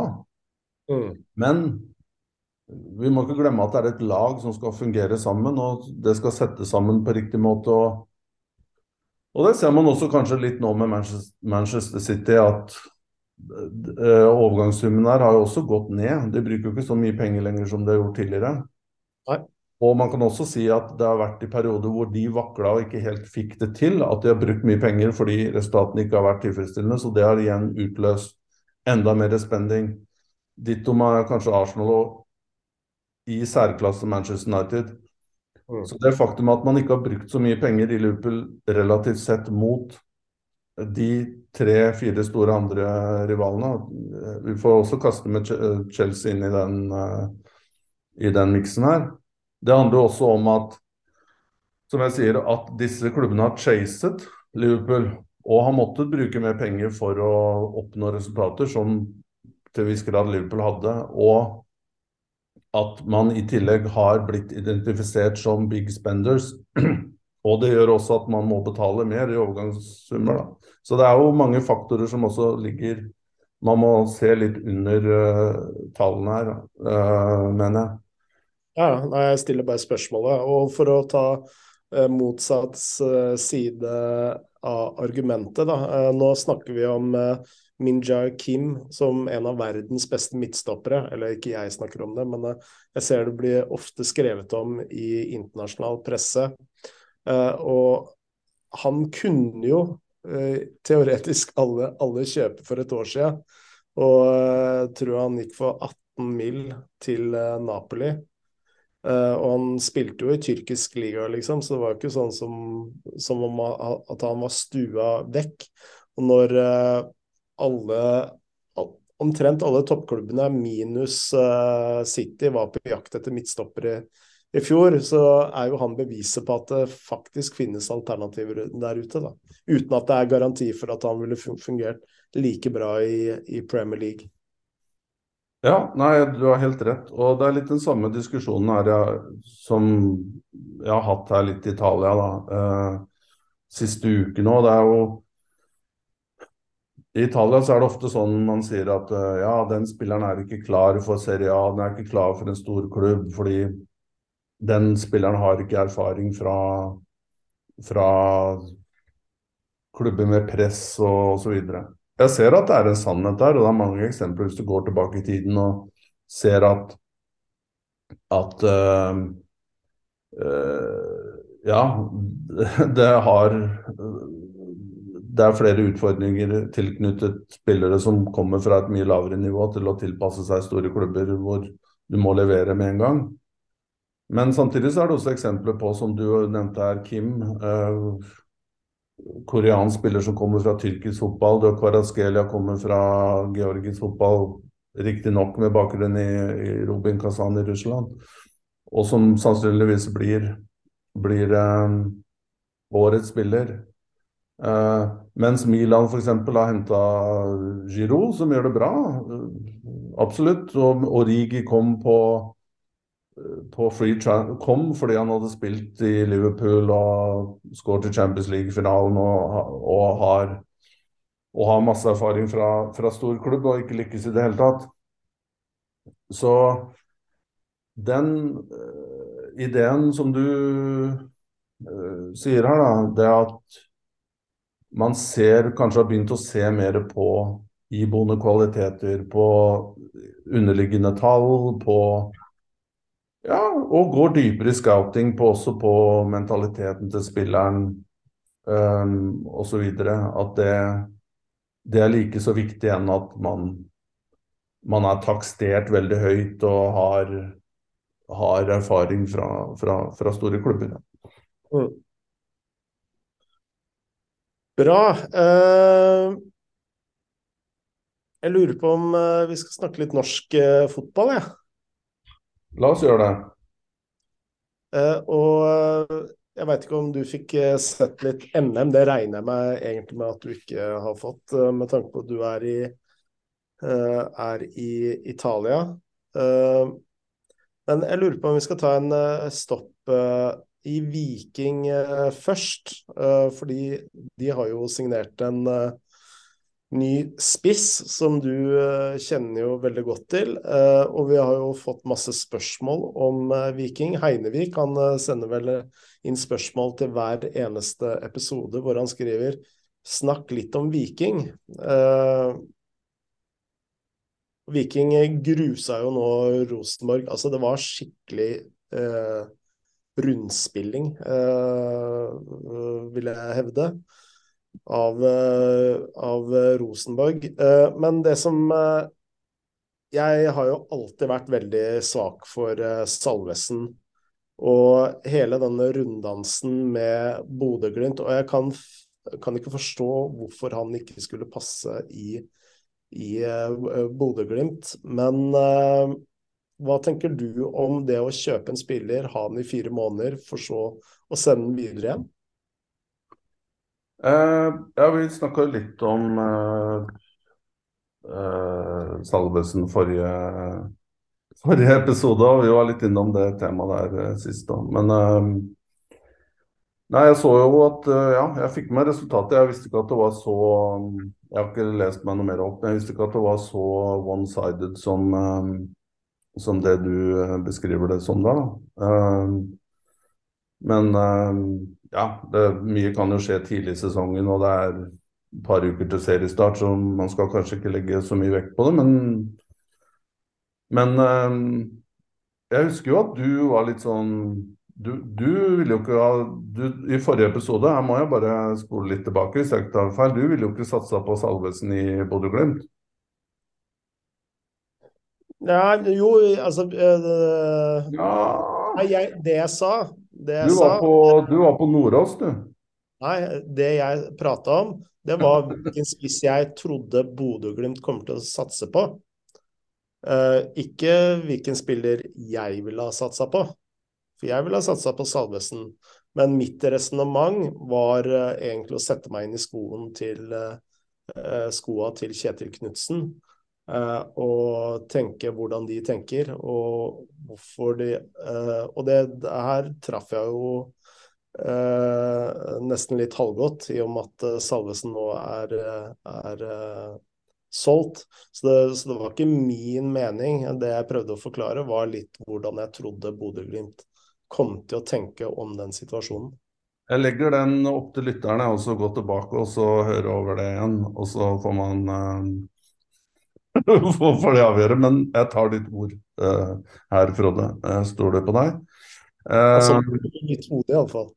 Ja, men det, er som sagt, det er jo stort sett i ditt hode som uh, vi får uh, forholde oss til, da. Men Nei, altså Ja, men uh, du kan jo ikke fremstille som noe hemmelighet at uh, Salvesen eller var på vei bort og ikke kom til å bli satsa på. Han fikk jo bare et minutt i et par uh, e-cupkamper og, og, hadde vel vært i samtale med Viking i forkant. Um, så det var kanskje bare snakk om at de ikke ville selge han før, før eventuell exit i Europa. Men nei, jeg, jeg er jo hvis du mener at Salvesen burde ha blitt eh, satset på i Bodø-Glimt, så er jo Jeg sa vel noe sånt at jeg ville ha beholdt han eh, fordi han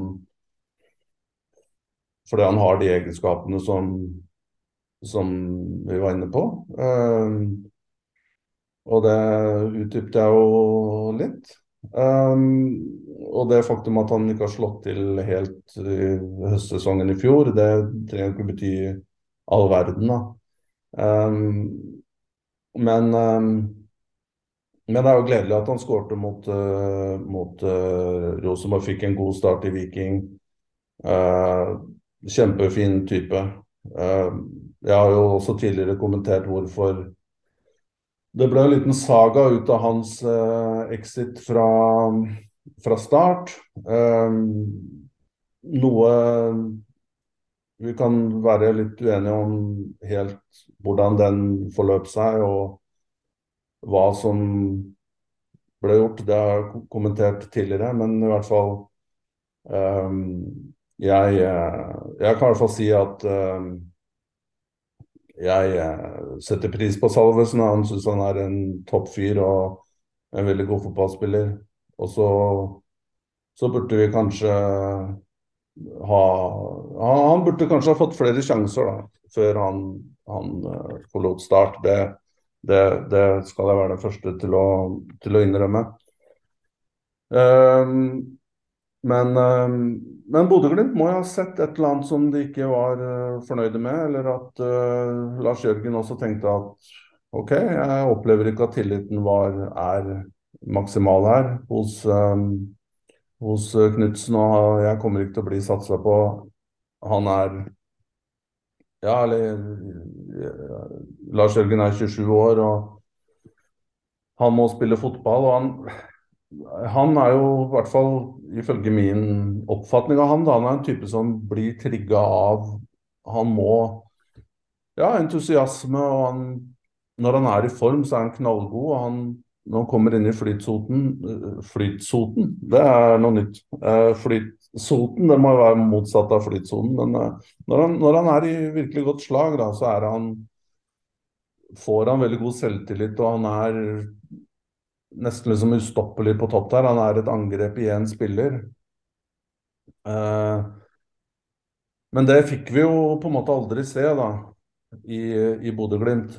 Eh, så de må jo ha gjort sine vurderinger og sett på en måte om det er noen andre på veien der, hvem vet. Men igjen, det kan jo være at uh, Bodø-Glimt ja, vil få en påminnelse da, om noen måneder at dette her var en, en feilvurdering, og at de burde ha prioritert, prioritert Lars Jørgen. Og, og, han er nok enda mer selvsagt trigget nå over å, å, å, få den muligheten. Så får vi håpe at han også blir Nå, nå har de jo henta inn en uh, australier på topp der, tror jeg, i, i Viking. Dagostino, eller tror jeg han heter, hvis jeg ikke tar feil. Som øh, kanskje ikke er så har den fysikken som Lars Jørgen har. Så jeg er litt usikker på om akkurat hvor, om det er en direkte konkurrent. Da. Men hvis han får hvis han blir brukt i Viking og får starte og blir satsa på og får stor tillit fra trenerne, så, så, tror jeg at dette her kan bli veldig bra. Men det betyr jo ikke nødvendigvis at han ville ha lykkes da i Bodø-Glimt. Noen ganger så er det ikke sånn at man bare kan sette det opp mot det andre og så så trekke en konklusjon ut av det. Mm. Uh, Sidisen lurer også på, uh, med tanke på australienske spillere Viking satser på det australske markedet. Hva tenker Tor Christian om det? Mye bang for the buck? Uh, jeg syns som tidligere uttalt, så syns jeg det er spennende at uh, Viking tenker litt uh, nytt. Og at de ser nye steder. Det har jo hatt stor suksess med Brekalo, som er meget god stopper i norsk sammenheng. Det ser man jo også med tanke på han har jo hatt tilbud fra utlandet og kommer sikkert til å få det igjen til sommeren og etter, etter sesongen. Og de tør, å ta, de tør å ta noen sjanser, tør å se steder der andre ikke ser. De blir ikke Og de, som jeg forstår det, de tør å jobbe litt med det. De på en måte orker å pløye ned i materien og sende folk litt rundt og se kamper og jeg, jeg, tror det er der det svikter hos mange. At ikke At det er, det er, veldig mye snakk om at folk sier ja, klubb A eh, eller B burde ansette en speider. Da vil de spare X, Y, Z i overgangsmarkedet. Mm. Og det er noe av det dummeste jeg hører, fordi det er jo en simplifisering av uh, uante proporsjoner. Fordi clouet uh, her er jo at man Det er vel og bra å ansette en speider, men én, du må finne en kom, kompetent speider. Det er ikke bare, det er ikke bare å hive en, et menneske på et fly og så si dra og lage en rapport. Du må ha referanser, og du må ha kontakter. Må, med referanser så mener jeg at du må vite hva du ser, hvilket nivå det er. Eh, forstå mm, mentaliteten til spillerne på de forskjellige stedene. Hvordan, vil, hvordan du kan håndtere det, den faktoren i Norge. Det er mange mange små komponenter her. Det er ikke bare å se eller lete seg fram på, på gjennom tall og statistikk. Det, dette er et komplisert øh, symbiose som må på en måte Mange ting som må matches her. Og viktigst av alt er jo at klubbene må ha troa på det. Mm. Og at det systemet, den dyktige speideren som blir ansatt, eller sjefsspeider, eller hvilken som helst eh, tittel ønsker å gi vedkommende, at vedkommende blir blir, um, blir får support, og at man tror på den jobben vedkommende gjør. Men det er klart det er vanskelig å tro hvis det ikke funker. Så det henter da kanskje du er med å eh, anbefale en spiller eller to, de slår ikke til med en gang. Og da tror jeg veldig mange klubber på en måte mister litt av tiltroen da, til det, det prosjektet der. Og da har du bare en speider som blir sittende og se på iScout eller uh, lete seg fram i noe tall, og så skjer det ikke noe. Og da mister alle motivasjon, og da er det liksom meningsløst. Så dette må jo komme fra toppen, det må komme fra lederne. Det må komme fra en sterk sportsdirektør som har mandater til å drive fram utviklingen i klubben. Og det må komme også fra hovedtrener, som selvsagt er med på et, en tankegang om at han eller henne ikke nødvendigvis har vetorett eller carte blanche på absolutt alt av signeringer. For da funker det ikke. Så du må også ha en trener som, som tilpasser seg den praksisen som er uh, gjeldende i fotball-Europa i dag, hvor man har hovedtrenere som forstår at det er mennesker som er ønsker klubben det beste. De ønsker sin egen karriere det beste med å med å finne gode spillere som passer inn i trenerens systemer. For da vil de også lykkes. Altså, alle, man har jo ett mål her. Det er jo å få resultatene øh, opp.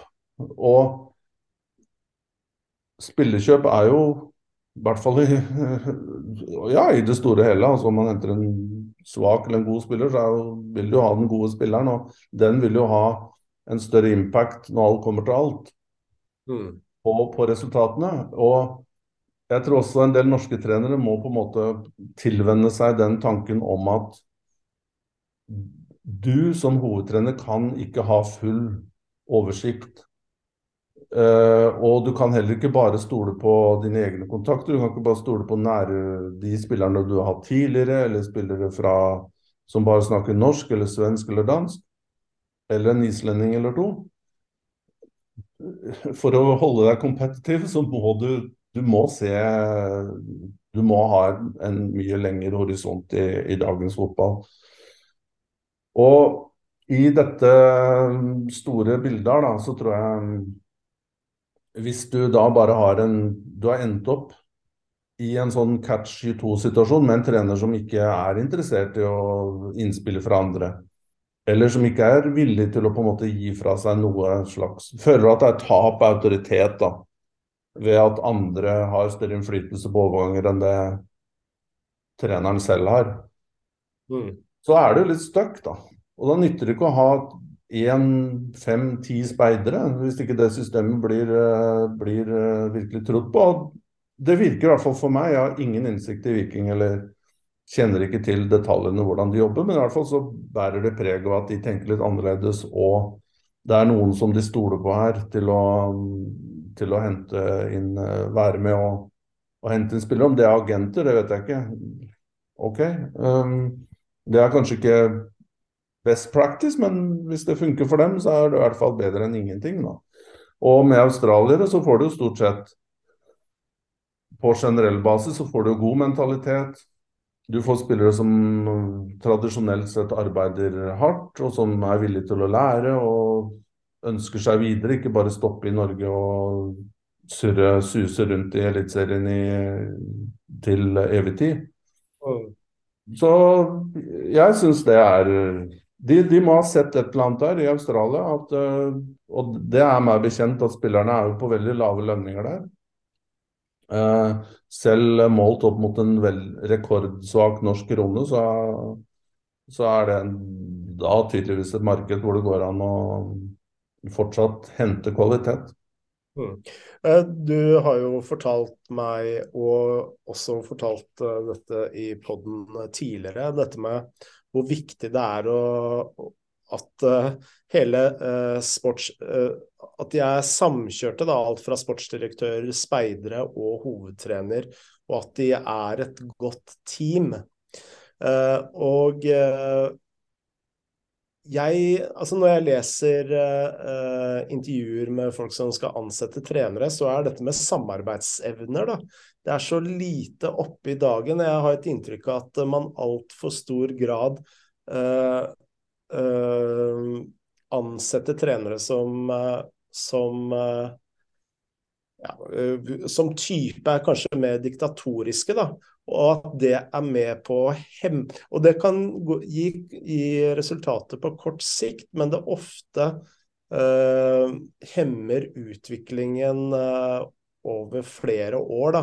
Og jeg bare eh, legge til én ting eh, som du også har fortalt meg en dag. Én ting er jo at man mister autoritet og, og, ikke vil ha den og den spilleren.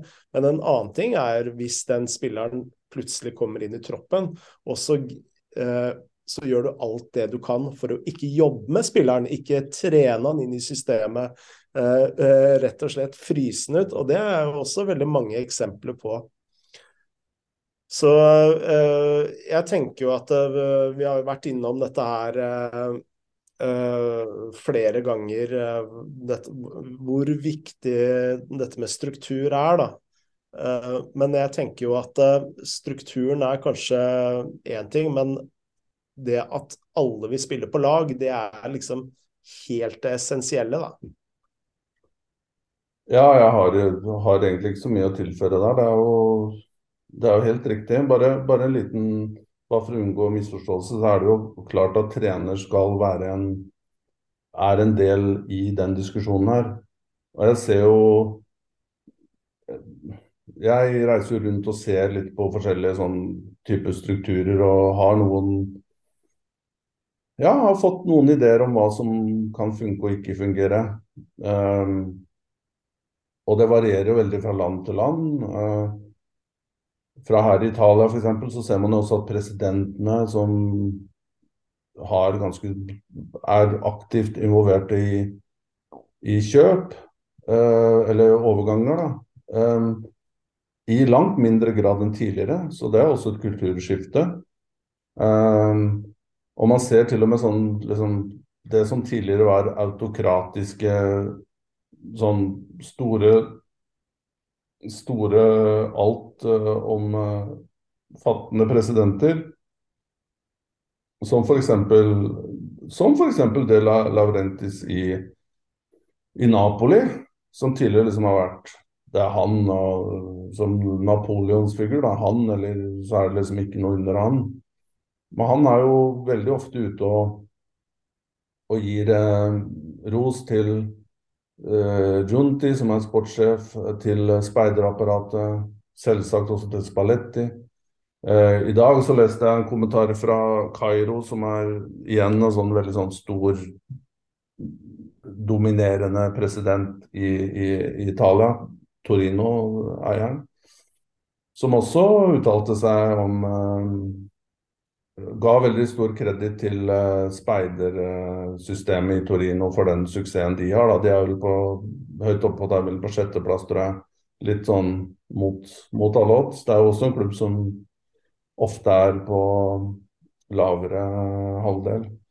Så selv i Italia, som tradisjonelt har vært et mer sånn topptungt uh, land, hvor beslutningene tas liksom av få personer veldig høyt oppe i systemet. Altså her ser man, selv her ser man at man uh, involverer flere folk, og man stoler på, på, på kompetanse og ja, osv. Mens i England så har man jo også hatt disse transfer committee som Det var vel i hvert fall sånn utad så var det vel Liverpool som fort, først hadde uttalt en slags transfer committee, og det ble jo latterliggjort.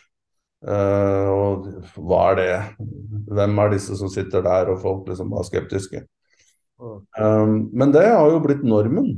Og i de fleste andre velfungerende klubbene så er det jo på en måte en komité. Og den kan jo komponeres på, på, forskjellige måter. Litt avhengig av struktur og litt avhengig av kompetanse, hvordan den er spredd og hvem som sitter på hva.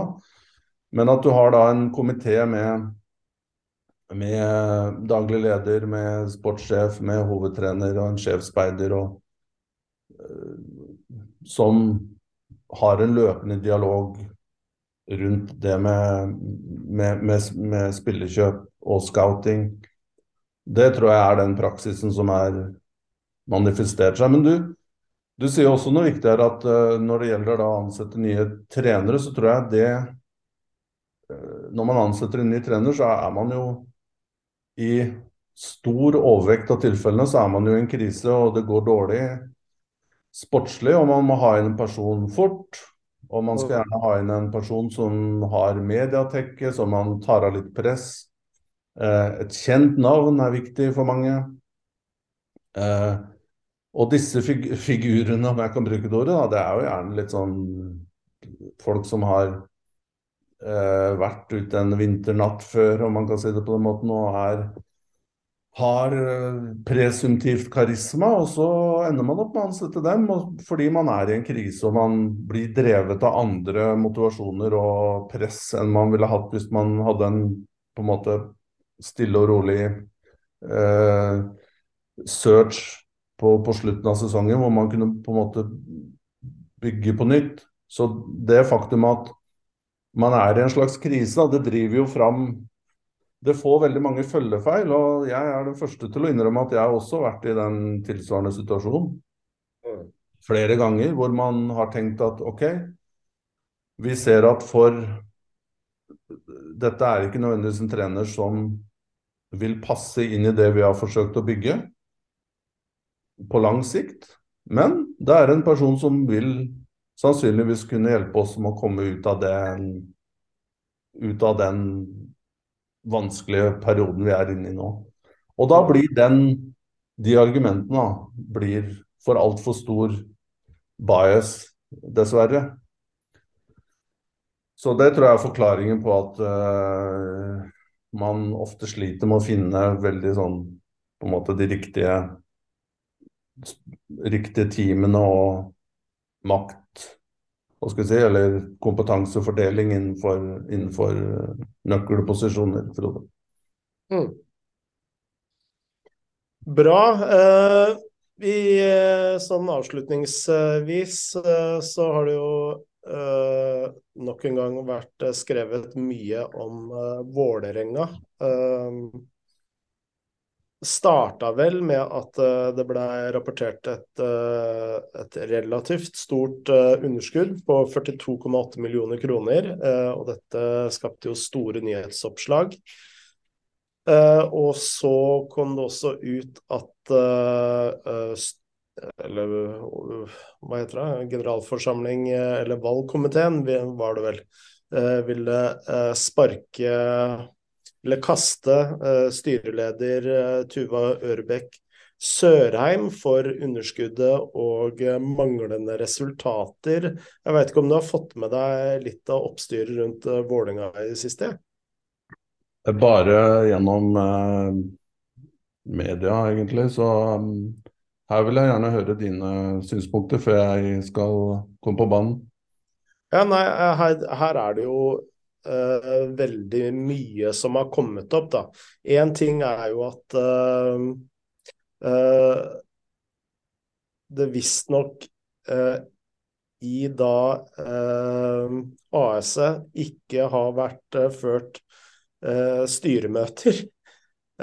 og det er jo ganske kritikkverdig. Uh, og så er det jo dette med uh, dette underskuddet, da, som er et uh, på en måte kontrollert underskudd. Uh, og grunnen til at de styrte med underskudd, var at de ville hente inn ekstra spillere, bl.a. Stefan Strandberg, Børven osv. Og så ville de beholde spillere som kunne bli solgt, som uh, Saurabri Jeg klarer ikke å snakke lenger. Uh, La oss kalle den Osame. Uh, det forsto hvem du mente, ja. ja.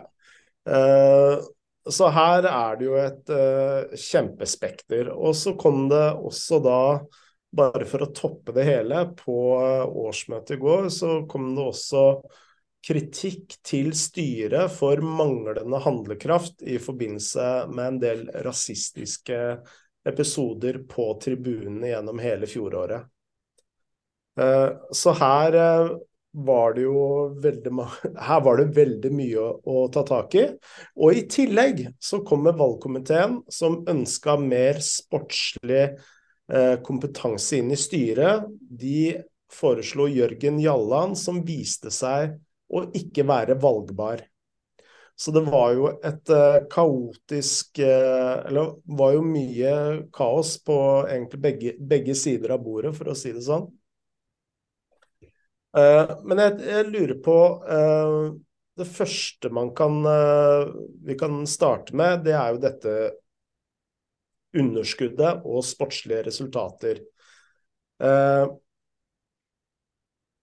er det sånn at en styreleder skal være til syvende og sist De er jo selvsagt ansvarlig for underskuddet, men er de også ansvarlig for de sportslige resultatene, tenker du?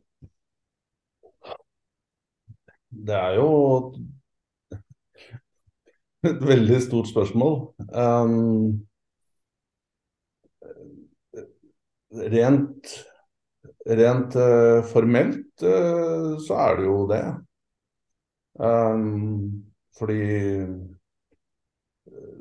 Men så har du jo alle disse andre um, tingene her, før du på en måte går på, går på disposisjoner, så har du jo dette forholdet til, til investorer, da.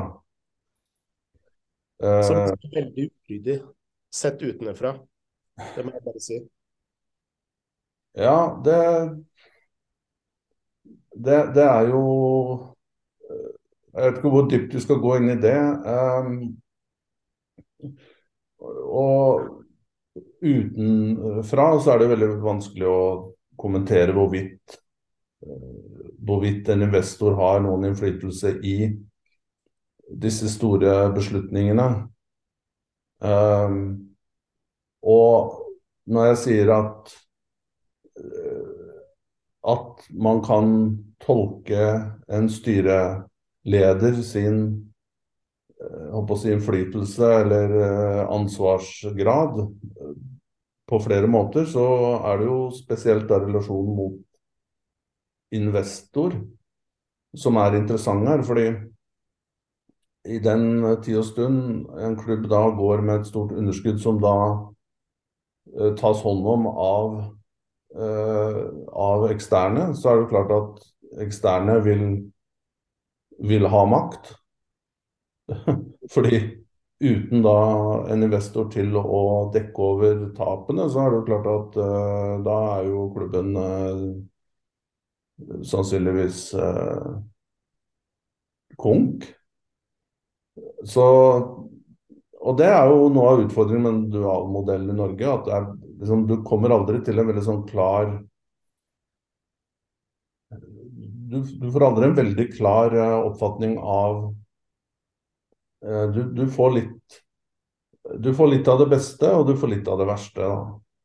Du får ikke en veldig, veldig klar eh, oppfatning av av eh, hvor maktsentrum ligger. Og det er jo helt opplagt at, at fotballklubben må jo, så lenge de har en, en, uh, en part som er villig til å bidra med så store summer som, som det gjøres i enkelte klubber, så er det klart at man må forholde seg til det. Fordi um, det, hvem er det som gidder å bidra med titalls millioner hvis, man, hvis det ikke kommer Hvis man ikke har en oppside der med å kunne involveres i beslutninger, mm. som da per se ikke er tillatt innenfor den norske modellen, som da Der sportslig styring skal eh, avgjøres av klubbstyret. Så den balansen der da, er jo fryktelig vanskelig å få, få en god, god, fungerende praksis ut av.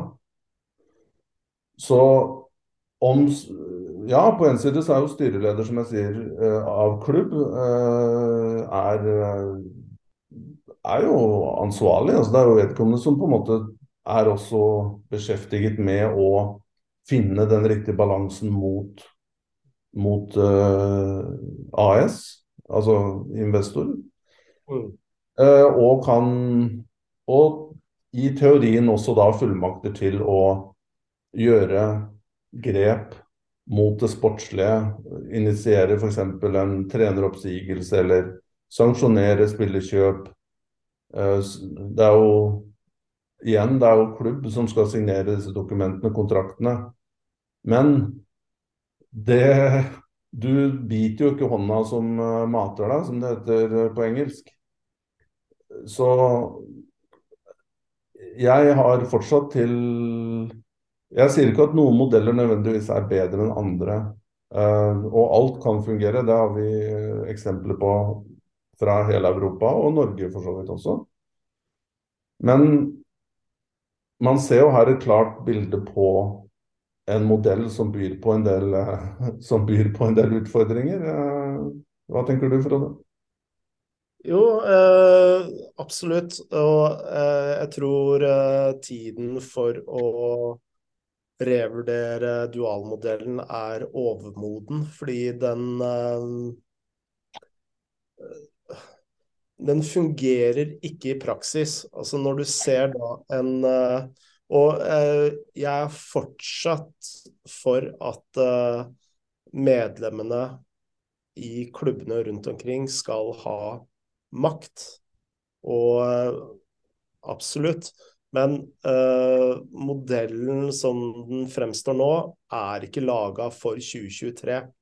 Og bare det at uh, Trøym går inn i en garderobe og freder treneren, noe som vi vet at det er han som tar beslutningene, men som da etter regelverket ikke er lov.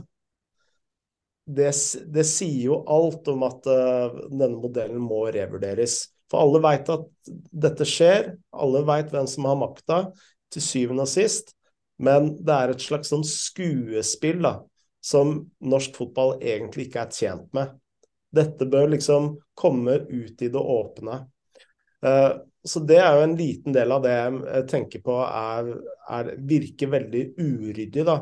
Men det jeg konkret tenkte på når jeg mente dette med dualmodellen og Vålerenga virka litt uryddig, det kom faktisk opp på årsmøtet i går hvor kontrollkomiteen skriver at de er kjent med en låneavtale, låneavtale da mellom eh, Vålerenga Elite og Vålerenga Fotball AS og Magni Sports, som da eier AS-et, om at det skal være en eh, låneavtale som skulle dekke disse 42,8 millionene.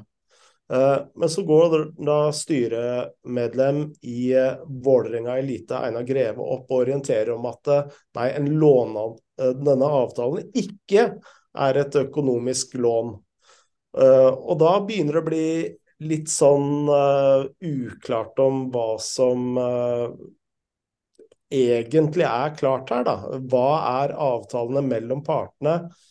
og og, og, det er ikke avtalen mellom partene som er uh, poenget i dette resonnementet, men det er bare det at uh, i, igjen da, så viser modellen at den klarer ikke å håndtere uh, hvordan fotballen er i dag mellom tre aktører. Og det er jo i majoriteten av klubbene i Eliteserien i dag, så er det faktisk hele tre enheter som samarbeider med hverandre. Og da er eneste konklusjonen at uh, dette må liksom opp på bordet igjen, og det må revurderes. Og vi må finne en, en, uh, en ordning som er mer tilpassa dagens fotball. Ja, jeg, jeg, vet ikke om de jeg, jeg, skal ikke gå så dypt. Som sagt, jeg har ikke den innsikten i akkurat Vålerenga som det du har. Nå, nå tror jeg ikke at nødvendigvis at Trøims eh, tale foran spillerne at det nødvendigvis var lovbrudd. da, eh, Bare for å eh, Fordi La oss si han er medlem i Vålerenga og ble invitert. og han, han, kan jo snakke på, på en måte teknisk sett på andre Fra andre kapasiteter. Sånn, men det er jo Så akkurat hvorvidt det opptrinnet som var uheldig, og det sender jo signaler som, som, som er helt riv ruskende gale. Men um, akkurat juss uh, juridisk rundt det er, er, jeg usikker på om det er problematisk der. Men det er ikke så viktig. Men, og heller ikke om måte det er et lån, eller om det er equity i et eller annet selskap som ikke har på en måte så stor betydning eller ikke. Men det eh, I bunn og grunn, når alt kommer til alt, så handler det om en klubb som er avhengig av ekstern eh, tilførsel av kapital for å kunne gå i pluss. Mm. Eh, og, og, så de prinsippene vi diskuterer, er jo allmenngyldige. Fordi eh, det, det betyr jo at man må forholde seg til den til den eh, instansen og den grupperingen eller personen på en eller annen måte. Det tror jeg også handler litt om management. Jeg, jeg tror ikke det er helt håpløst. Altså, man har eksempel, for eksempel, eh, Et eksempel her er Molde, som så vidt jeg forstår har en dual modell. Og så har du, så har du Røkke, som har vært Uh, involvert i klubben i ja, 20 år over det. Uh, og i dårlige år så har jeg Kan godt hende jeg bare reserverer meg mot at jeg tar feil her, men jeg har i hvert fall inntrykk av at han i dårlige år har tatt, tatt en del av uh, ansvaret for, å, for at det resultatet kommer i pluss. og i gode år så har han på en måte vært lite synlig. og Bortsett fra at han satt på benken eller hva det var, men det er jo mer en kuriositet. Uh, hvis ikke jeg tar feil, eller jeg husker helt feil. Var, jeg mener det var noe snakk om det i fjor, men det, det er ikke så viktig i det store og hele. Men poenget da, det er jo at uh, fra mitt ståsted så er det tilsynelatende en, en supporter av klubben som har av sin private wealth, formue, som velger da å bruke x antall eh, penger av den per år på Molde, og han stoler på eh, dyktige mennesker som, som, jobber i den klubben. Og de, dette går rundt, og det går bra. og de kjøper spillere, og de selger spillere, og de vinner ting, og det funker. Så ser jeg også at det er mer utfordrende for en klubb som har stor uh, oppmerksomhet, som Vålerenga. Og presset er stort. Det har gått veldig bra med dem de siste årene. Og, det, og da, da, da, er det heller ikke så enkelt å på en måte bare mm, vende dette Det er et mye tyngre skip og mye større eh, volum å, å snu enn en på en måte mindre klubb som har systemer som er Og hva skal vi si Som har innarbeida på en måte gode sin måte å jobbe på som funker. Mens i Vålerenga så har man hatt uh, trenere som har kommet og gått, og man har hatt ledere og styrer ønske, ble ønsket uh, bort, uh, som du sier. Så, og det, er, det, henger jo sammen med manglende resultater, mm. selvsagt. Og da oppstår, oppstår Da blir de, på en måte det konfliktforholdet og de utfordringene blir ekstra synlige. Men, um,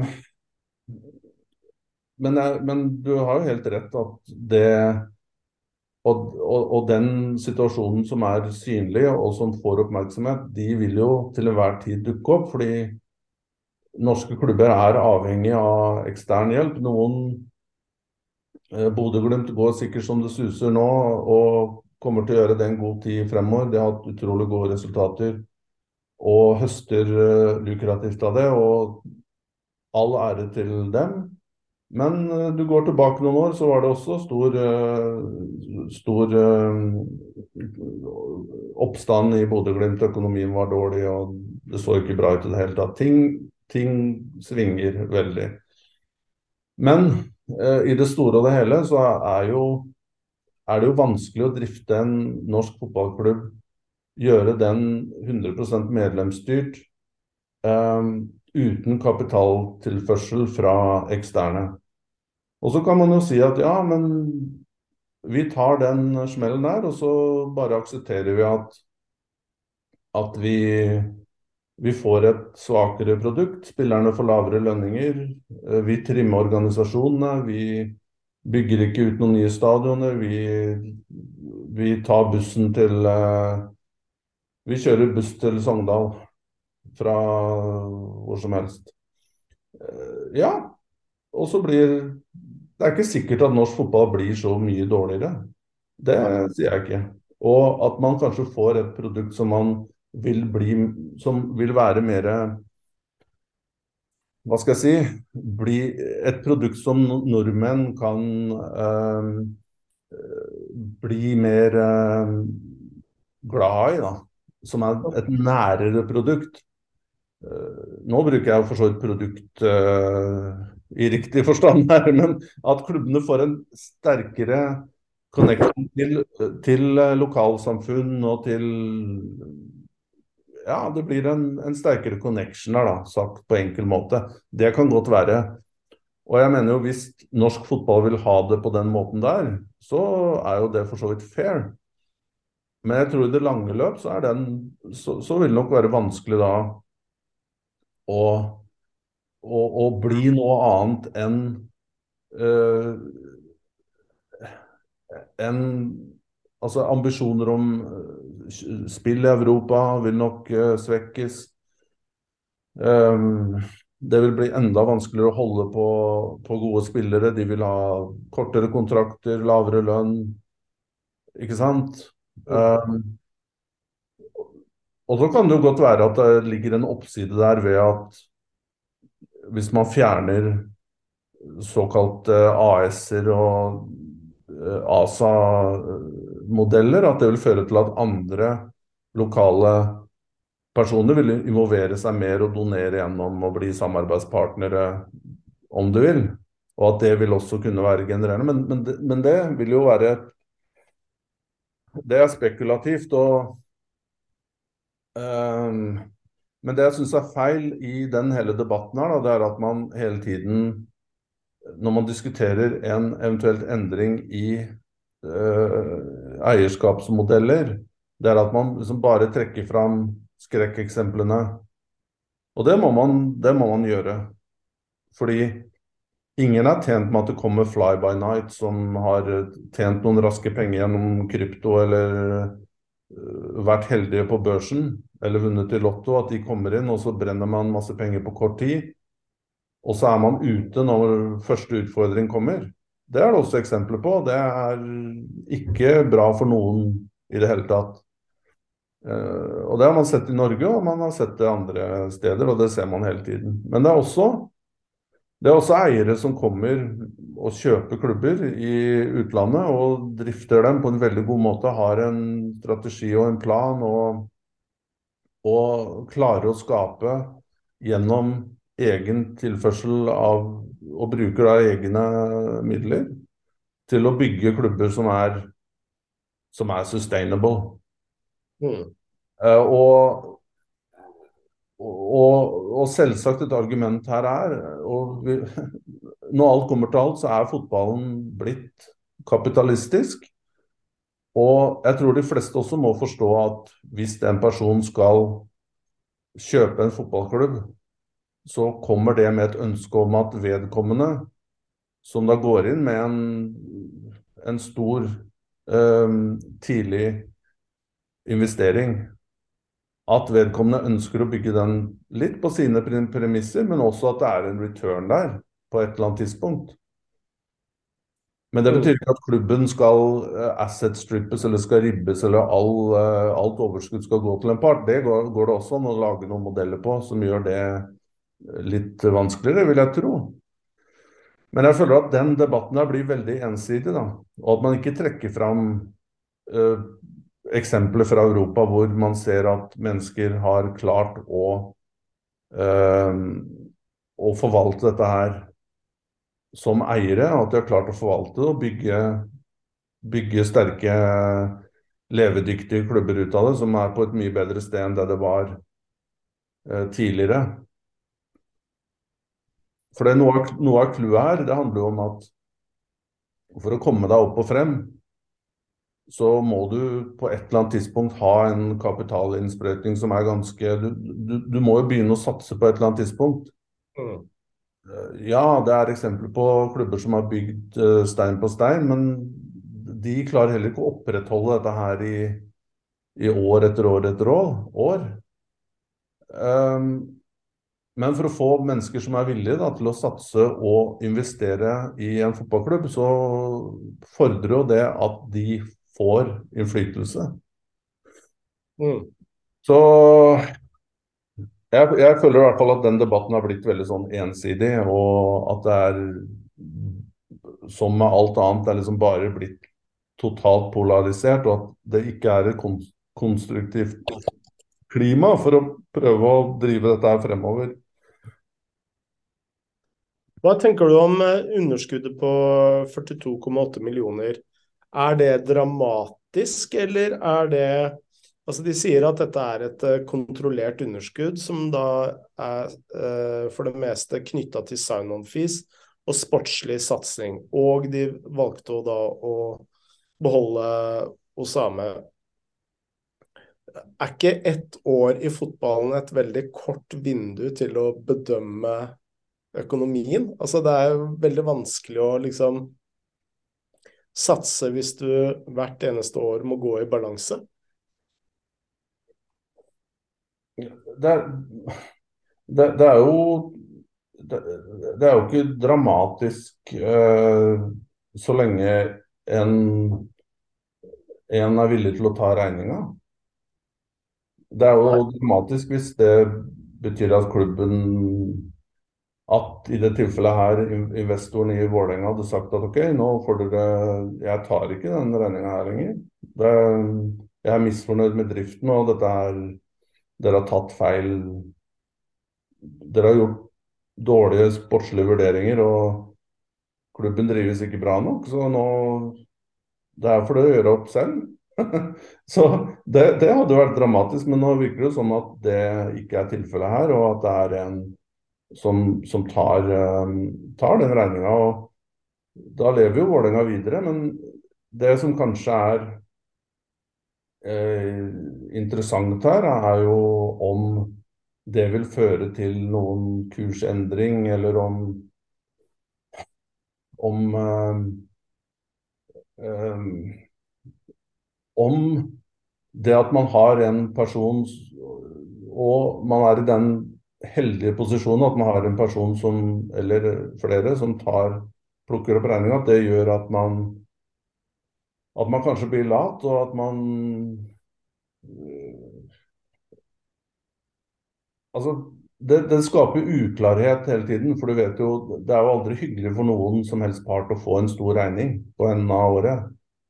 Og, men det er heller ikke gunstig å ikke vite om du har et sportslig budsjett på 30 millioner, eller om du har et på 60, eller om du har et på 90 eller 150. Og at alle beslutninger blir på en måte prosjektbaserte. At OK, du vil ha, ha inn en ny stopper så må du ringe til Du må ta den runden for å høre om er dette her noe vi kan gjøre. Ja, det går. Hvorfor? Nei, det er et stort navn. Ok, greit, vi gjør det. En annen, Og så har du kanskje en Du har lyst til å styrke deg med tre fremtidsprosjekter som også øh, Eller fremtids spiller med potensial, og som kanskje ikke kan gå rett inn på laget, og som kanskje ikke disse som sitter på pengeressursene, har uh, hørt om. Men de vil også koste noen millioner. Og så får du et nei fordi det er sånn Det er ikke sexy nok. Det er problematisk, for da vet du på en måte aldri hvordan du kan bygge eller strukturere en, en, en, uh, dine sportslige planer, da. Um, så akkurat den Det utfallet her er jo litt uheldig, hvis jeg har tolka det riktig. At det blir, det blir liksom gjort i dette er igjen bare mitt personlige inntrykk, at det blir gjort litt i rykk og napp. At det ikke er en klar idé om OK, eh, vi er investorer. Eh, vi er villige til å bidra med 50 millioner i året. Og de skal, eh, de skal forvaltes 30 på sport, 20 eh, til booste marked, 10 eh, til community, altså utviklende tiltak osv. Da har du i hvert fall en klarhet som gjør at du vet akkurat hvor du står. Men det, det, det, det er ikke sånn det fremstår da i mine øyne. Skal vi avslutte on a high note, eller?